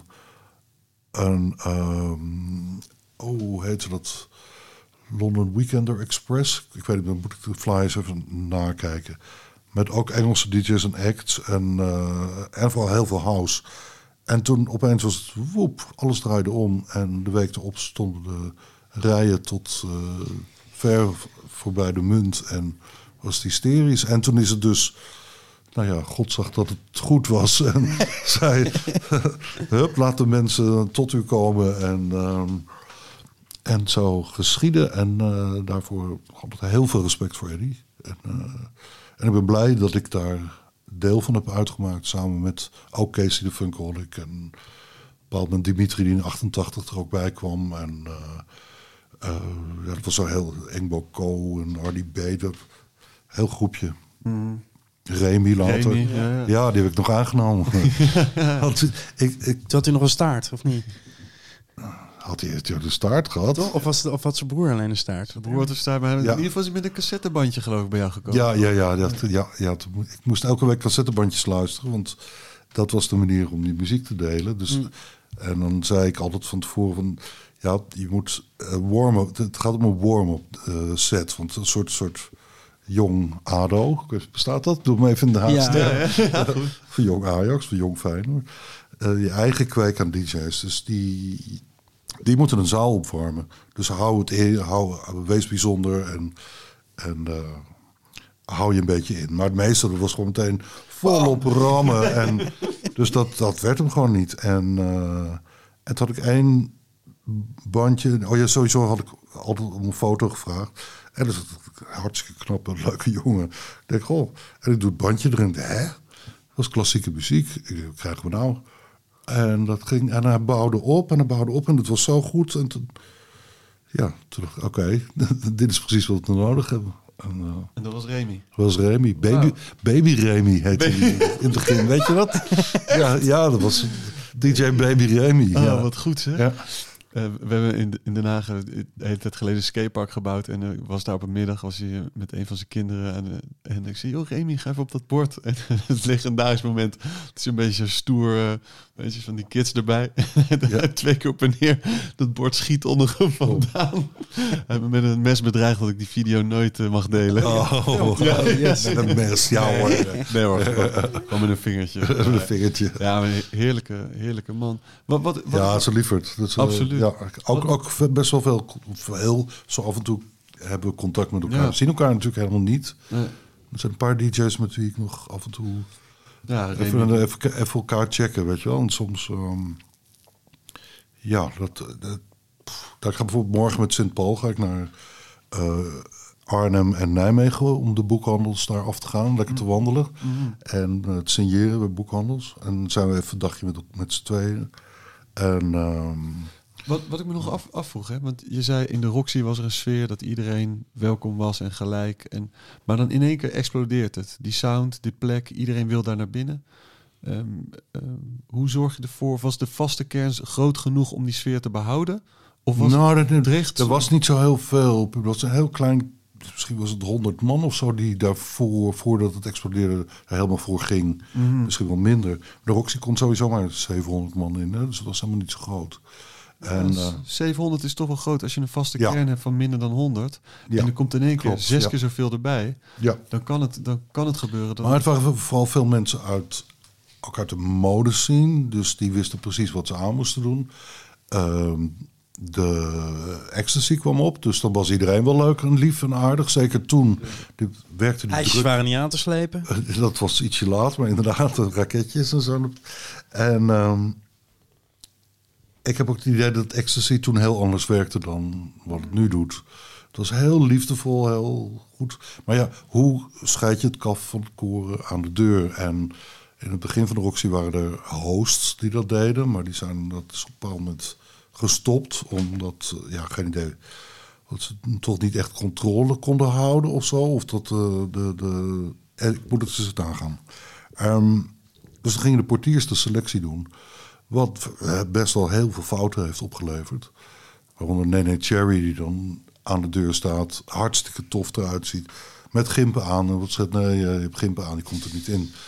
En eh, ja, allemaal van die fouten. Je voorstellen, toch? Ja, nou, ik, ja. ik ben zelf ook drie keer geweigerd bij de Roxy. Omdat toen was ik al een avond vrij en dan ging ik dacht, oh, ik ga. En dan stond er een nieuwe portier. En nee, jij komt er niet in, ga maar weg. En toen zei ik, ja, ik werk hier. Ja, doei. Boom, deur dicht. Echt. En toen kon je ook niet iemand bellen. Ja, ja, ja dat, dat- nee, die heeft geen mobiele telefoon. Dan weer opnieuw aanbellen. Oh, Voor je weet het. honden, hondenkak aan je oor. Ja, dus eh, het, eh, ja, dus ik, ik, ik weet ook van de, de Stutterheims, dus Duncan en zijn broer toen, dat die ook geweigerd werden. En toen maar hun eigen dingen zijn gaan organiseren. Dus dat weigeren, dat heeft ook nog wel iets opgeleverd. en, en het was natuurlijk zo om, om, om zoveel eh, gewoon niet, geen enkel risico te nemen dat het op een of andere manier verkeerd kon gaan.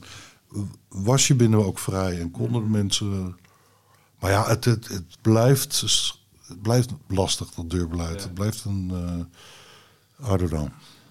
Ja, want eh, die nacht in al zijn geuren en kleuren, waanzinnig. Maar ook, eh, het is ook een dunne lijn. Het, het, het kan, het, Ja. het kan ook eh, of grimmig of niet leuk of worden. Ja, Wat ja. dat betreft, je moet toch altijd op je kivive blijven om te zorgen dat het... Ja, ja, ja, zeker. Ja, zeker als je club runt. Ja. Dat, want ik weet van de Roxy dat. ehm, de Roxy is naar de politie gegaan om te hebben over ecstasy. Ja. Maar ze hadden helemaal geen idee. En toen is, eh, is de bedrijfsleiding wat anderen zijn gaan uitleggen aan de Roxy. Van, Kijk, deze heeft nou ecstasy op. En dan had je iemand met, met malende kaken en die stonden zo een soort- soort mensen dierentuin van deze pil op. En dat is dat. En dat is dat. En dat was ook omdat dat de, kijk, de allereerste die, die snoepjes uitdeelde, om het zo maar te noemen. Want zo ging het ook van. We zijn met z'n allen. En die kregen daar dan geld voor, maar echt rijk werden ze er niet van. Het ging meer om het idee. Maar toen kwamen de echte dealers. En dan, eh, ja, dan kan je zaak overgenomen worden. Dus dat was. eh, ja, dus voordat ecstasy verboden werd, was de Roxy al in gesprek met de politie om te laten weten dat. Mm. Ja, idioot eigenlijk. Ja. Ja. Ja. Ja. Wat een idiote wereld, hè? Ja, hè? Ja.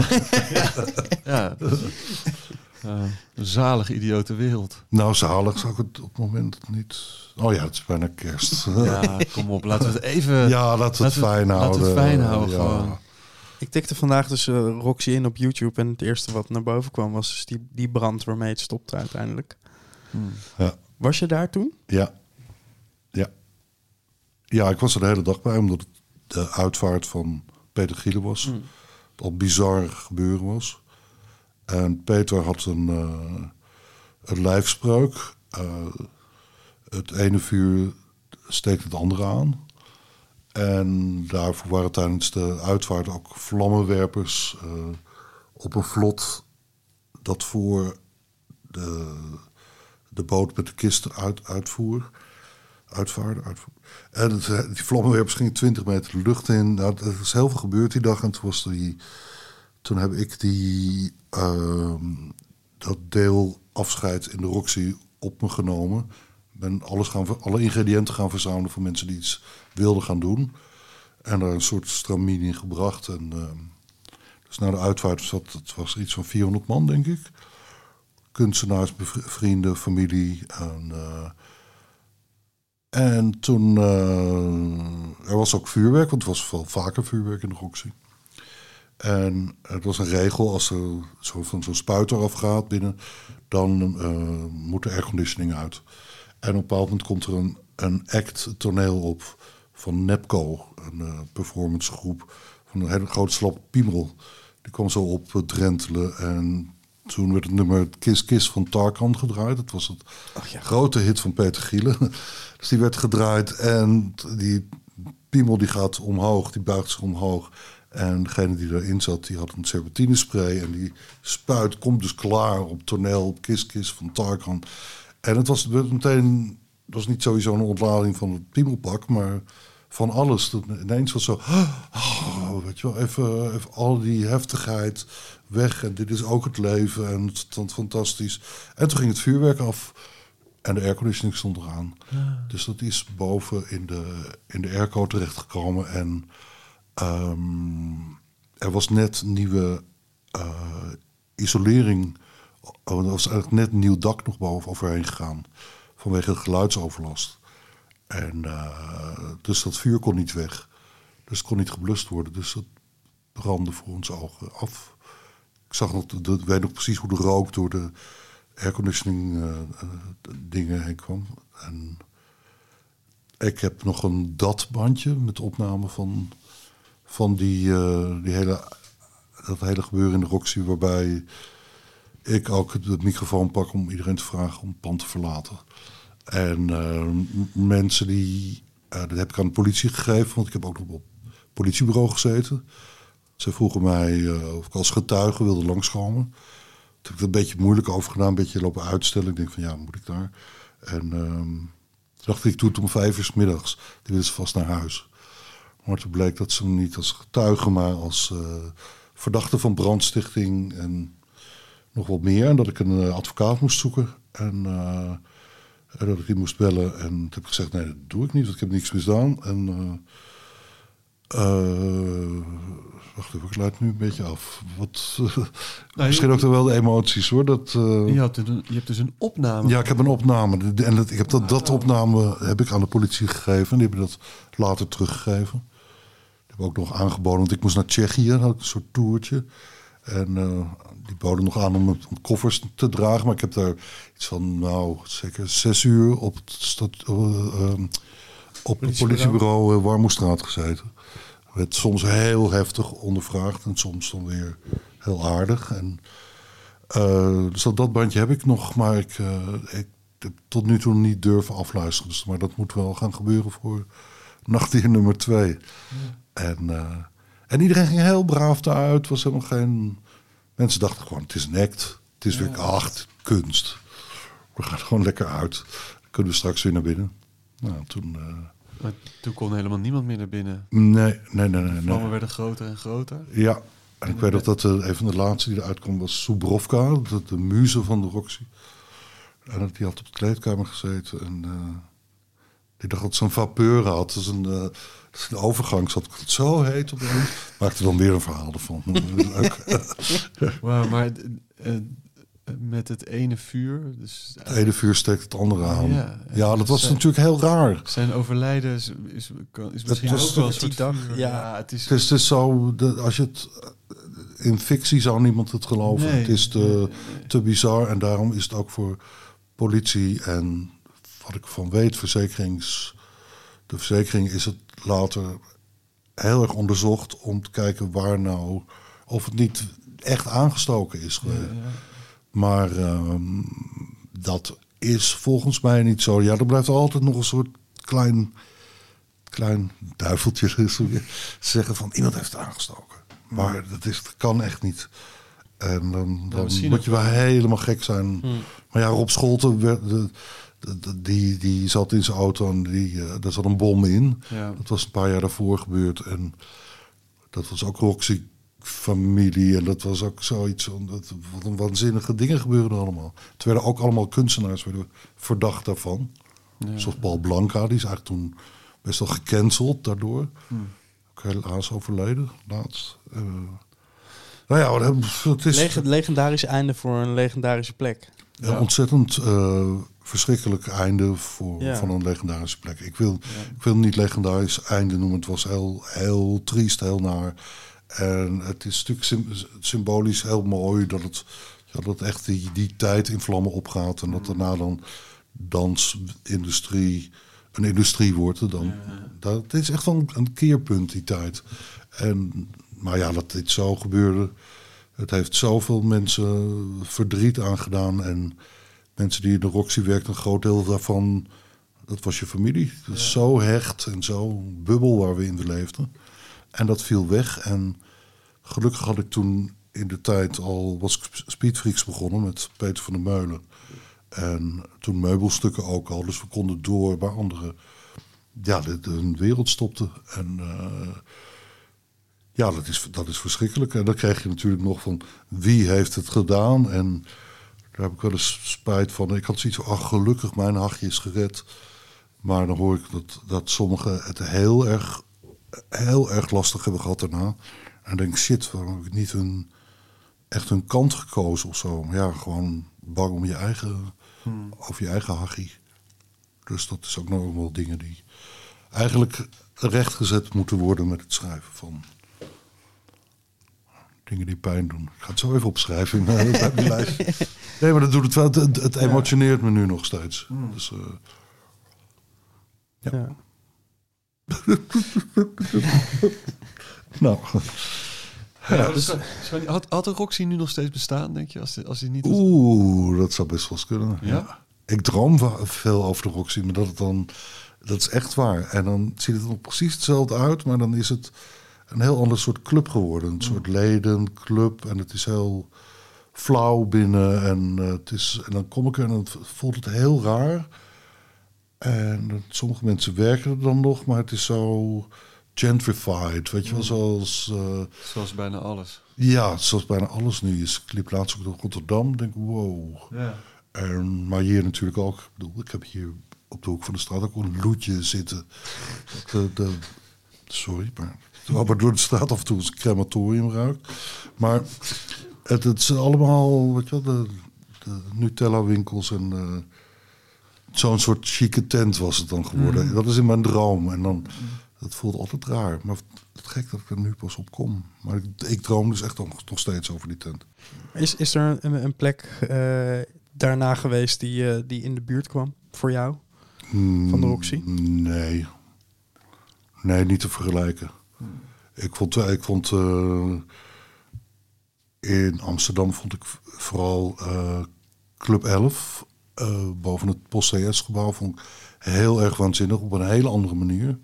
We deden daar de eerste rouw eh, afleveringen en dat daar doen met al die videoschermen, dat uitzicht over de stad. Dat was een soort Blade Runner eh, meets eh, punk meets electro clash eh, vibe. En dat was zo bijzonder met zo'n gek publiek. En de pillen die er eh, in, de, in, de, in de lift. Later eh, lid van een heel beroemd Nederlands eh, hip-hop gezelschap. en een Hagenees volgens mij. Ik, eh, ik ken de verhalen natuurlijk. Ja. Maar de Club 11 was waanzinnig sowieso. Ook met, met, met inderdaad die enkele lift naar boven. Ja, twee waardevol. Of Ja, één, één naar boven, één Ja. naar beneden, toch? Ging ze Ja, maar als het naar boven gaat, het altijd naar beneden. Dus, was één die ging alleen maar naar beneden en één ging alleen maar omhoog. In mijn Dus beleving, wel. ja, ja. In jouw beleving, ja. Dat zou best kunnen, ja. Ik ging alleen maar omhoog. Ja. Oh, dat is wel een goede voor mijn boek. Gaat ook weer. volgens mij. Ging- Eén lift ging alleen maar omhoog en alleen maar naar beneden. Ja, en trouw daarna dan. Ja, ja dat was wat lastiger voor... Want wij zijn gestopt met rouw in Club 11 omdat het te populair werd. Er stonden rijen buiten tot eh, drie, half vier s'nachts. Waarom is dat dan een reden om te stoppen? Omdat het te veel was, te veel mensen. En op een moment kregen we ook DJ's als de Crookers. Dus dat die Fidget House, die kwam in. En eh, dat vonden mensen van... die toen de muzikale leiding hadden... die vonden dat eh, maar niks. Ik weet dat zelfs Steve Aoki hadden. En toen Steve Aoki nog eh, Rebels en eh Electro was... Maar dat was wel werkelijk het ergste wat we konden doen. En we hadden Elle Bandita, nu natuurlijk Ravend van Dorst. En eh, dat schoot ook helemaal het verkeerde keelgat. Ja? die begon ook met eh vuile, vieze kleren. Amsterdammers met je vieze, vuile, gore stinkgracht. Wie denken jullie fucking hell wie jullie zijn? En heerlijke Ik tirade. Ja, Ze heeft een keer mijn gezicht geweldig. gespuugd. Maar dat, uh, zal het zeggen? Ze heeft een keer mijn gezicht gespuugd. Oh, lekker. Want Ze zat vroeger in een band met, eh, Met, met Janneke. Met Janneke Bad Candy. Ja. Ja, ja, ja. ja die, kwamen, die band was opgericht door Barry Hay van Golden Earring, volgens mij. Die had dat verzonnen.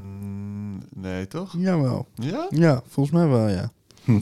Die kwamen bij ons op school in de aula. Volgens Oh. mij was ik eh, verliefd naar Janneke aan het kijken, de hele, de hele optreden. En op een gegeven moment keek ik naar Elle Bandita, heet ze toen nog. En volgens mij wilde ze er plektrum naar me spugen of zo. Maar er kwam echt een hele flinke slotroggel mee. Waardoor die, waardoor die plektrum zo op mijn wang geplakt zat. Nooit meer afgedaan. Nee, nee, nee, nee, nee. Ik heb hem nog. Maar ja, toen, toen- het, het, het ging gewoon niet meer. Het was, en er was te veel drukte. En af en toe was er knokken. Gewoon omdat die muziek zo eh, Pompte. pompte. En dan, weet nog dat, dat Errol Alken draaide. En eh, daarvoor had Whitey opgetreden, volgens mij.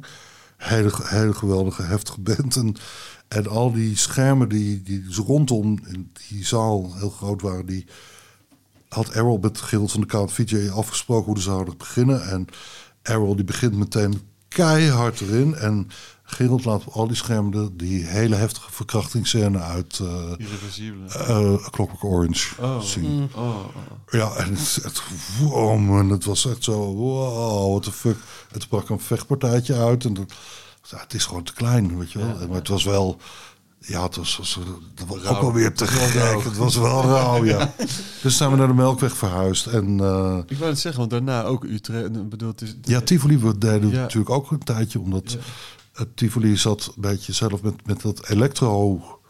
Nou, ik wil niet zeggen in de maag, maar ze probeerden het. En, en toen hebben we rouw gedaan. In het begin was dat eh, ja, helemaal niet zo populair daar. We deden dan op de vrijdag Amsterdam en zaterdag Tivoli. Maar Tivoli zette door en op een moment eh, ging het daar helemaal los. Want die hele, dat, dat hele electroclash, die, die periode, die brak met met, eh, eh, met, met, met house en de dance-industrie. Die trapte weer ergens tegenaan en die bracht bandjesmuziek, politieke lading, woede, per- eh, perversiteiten, seks.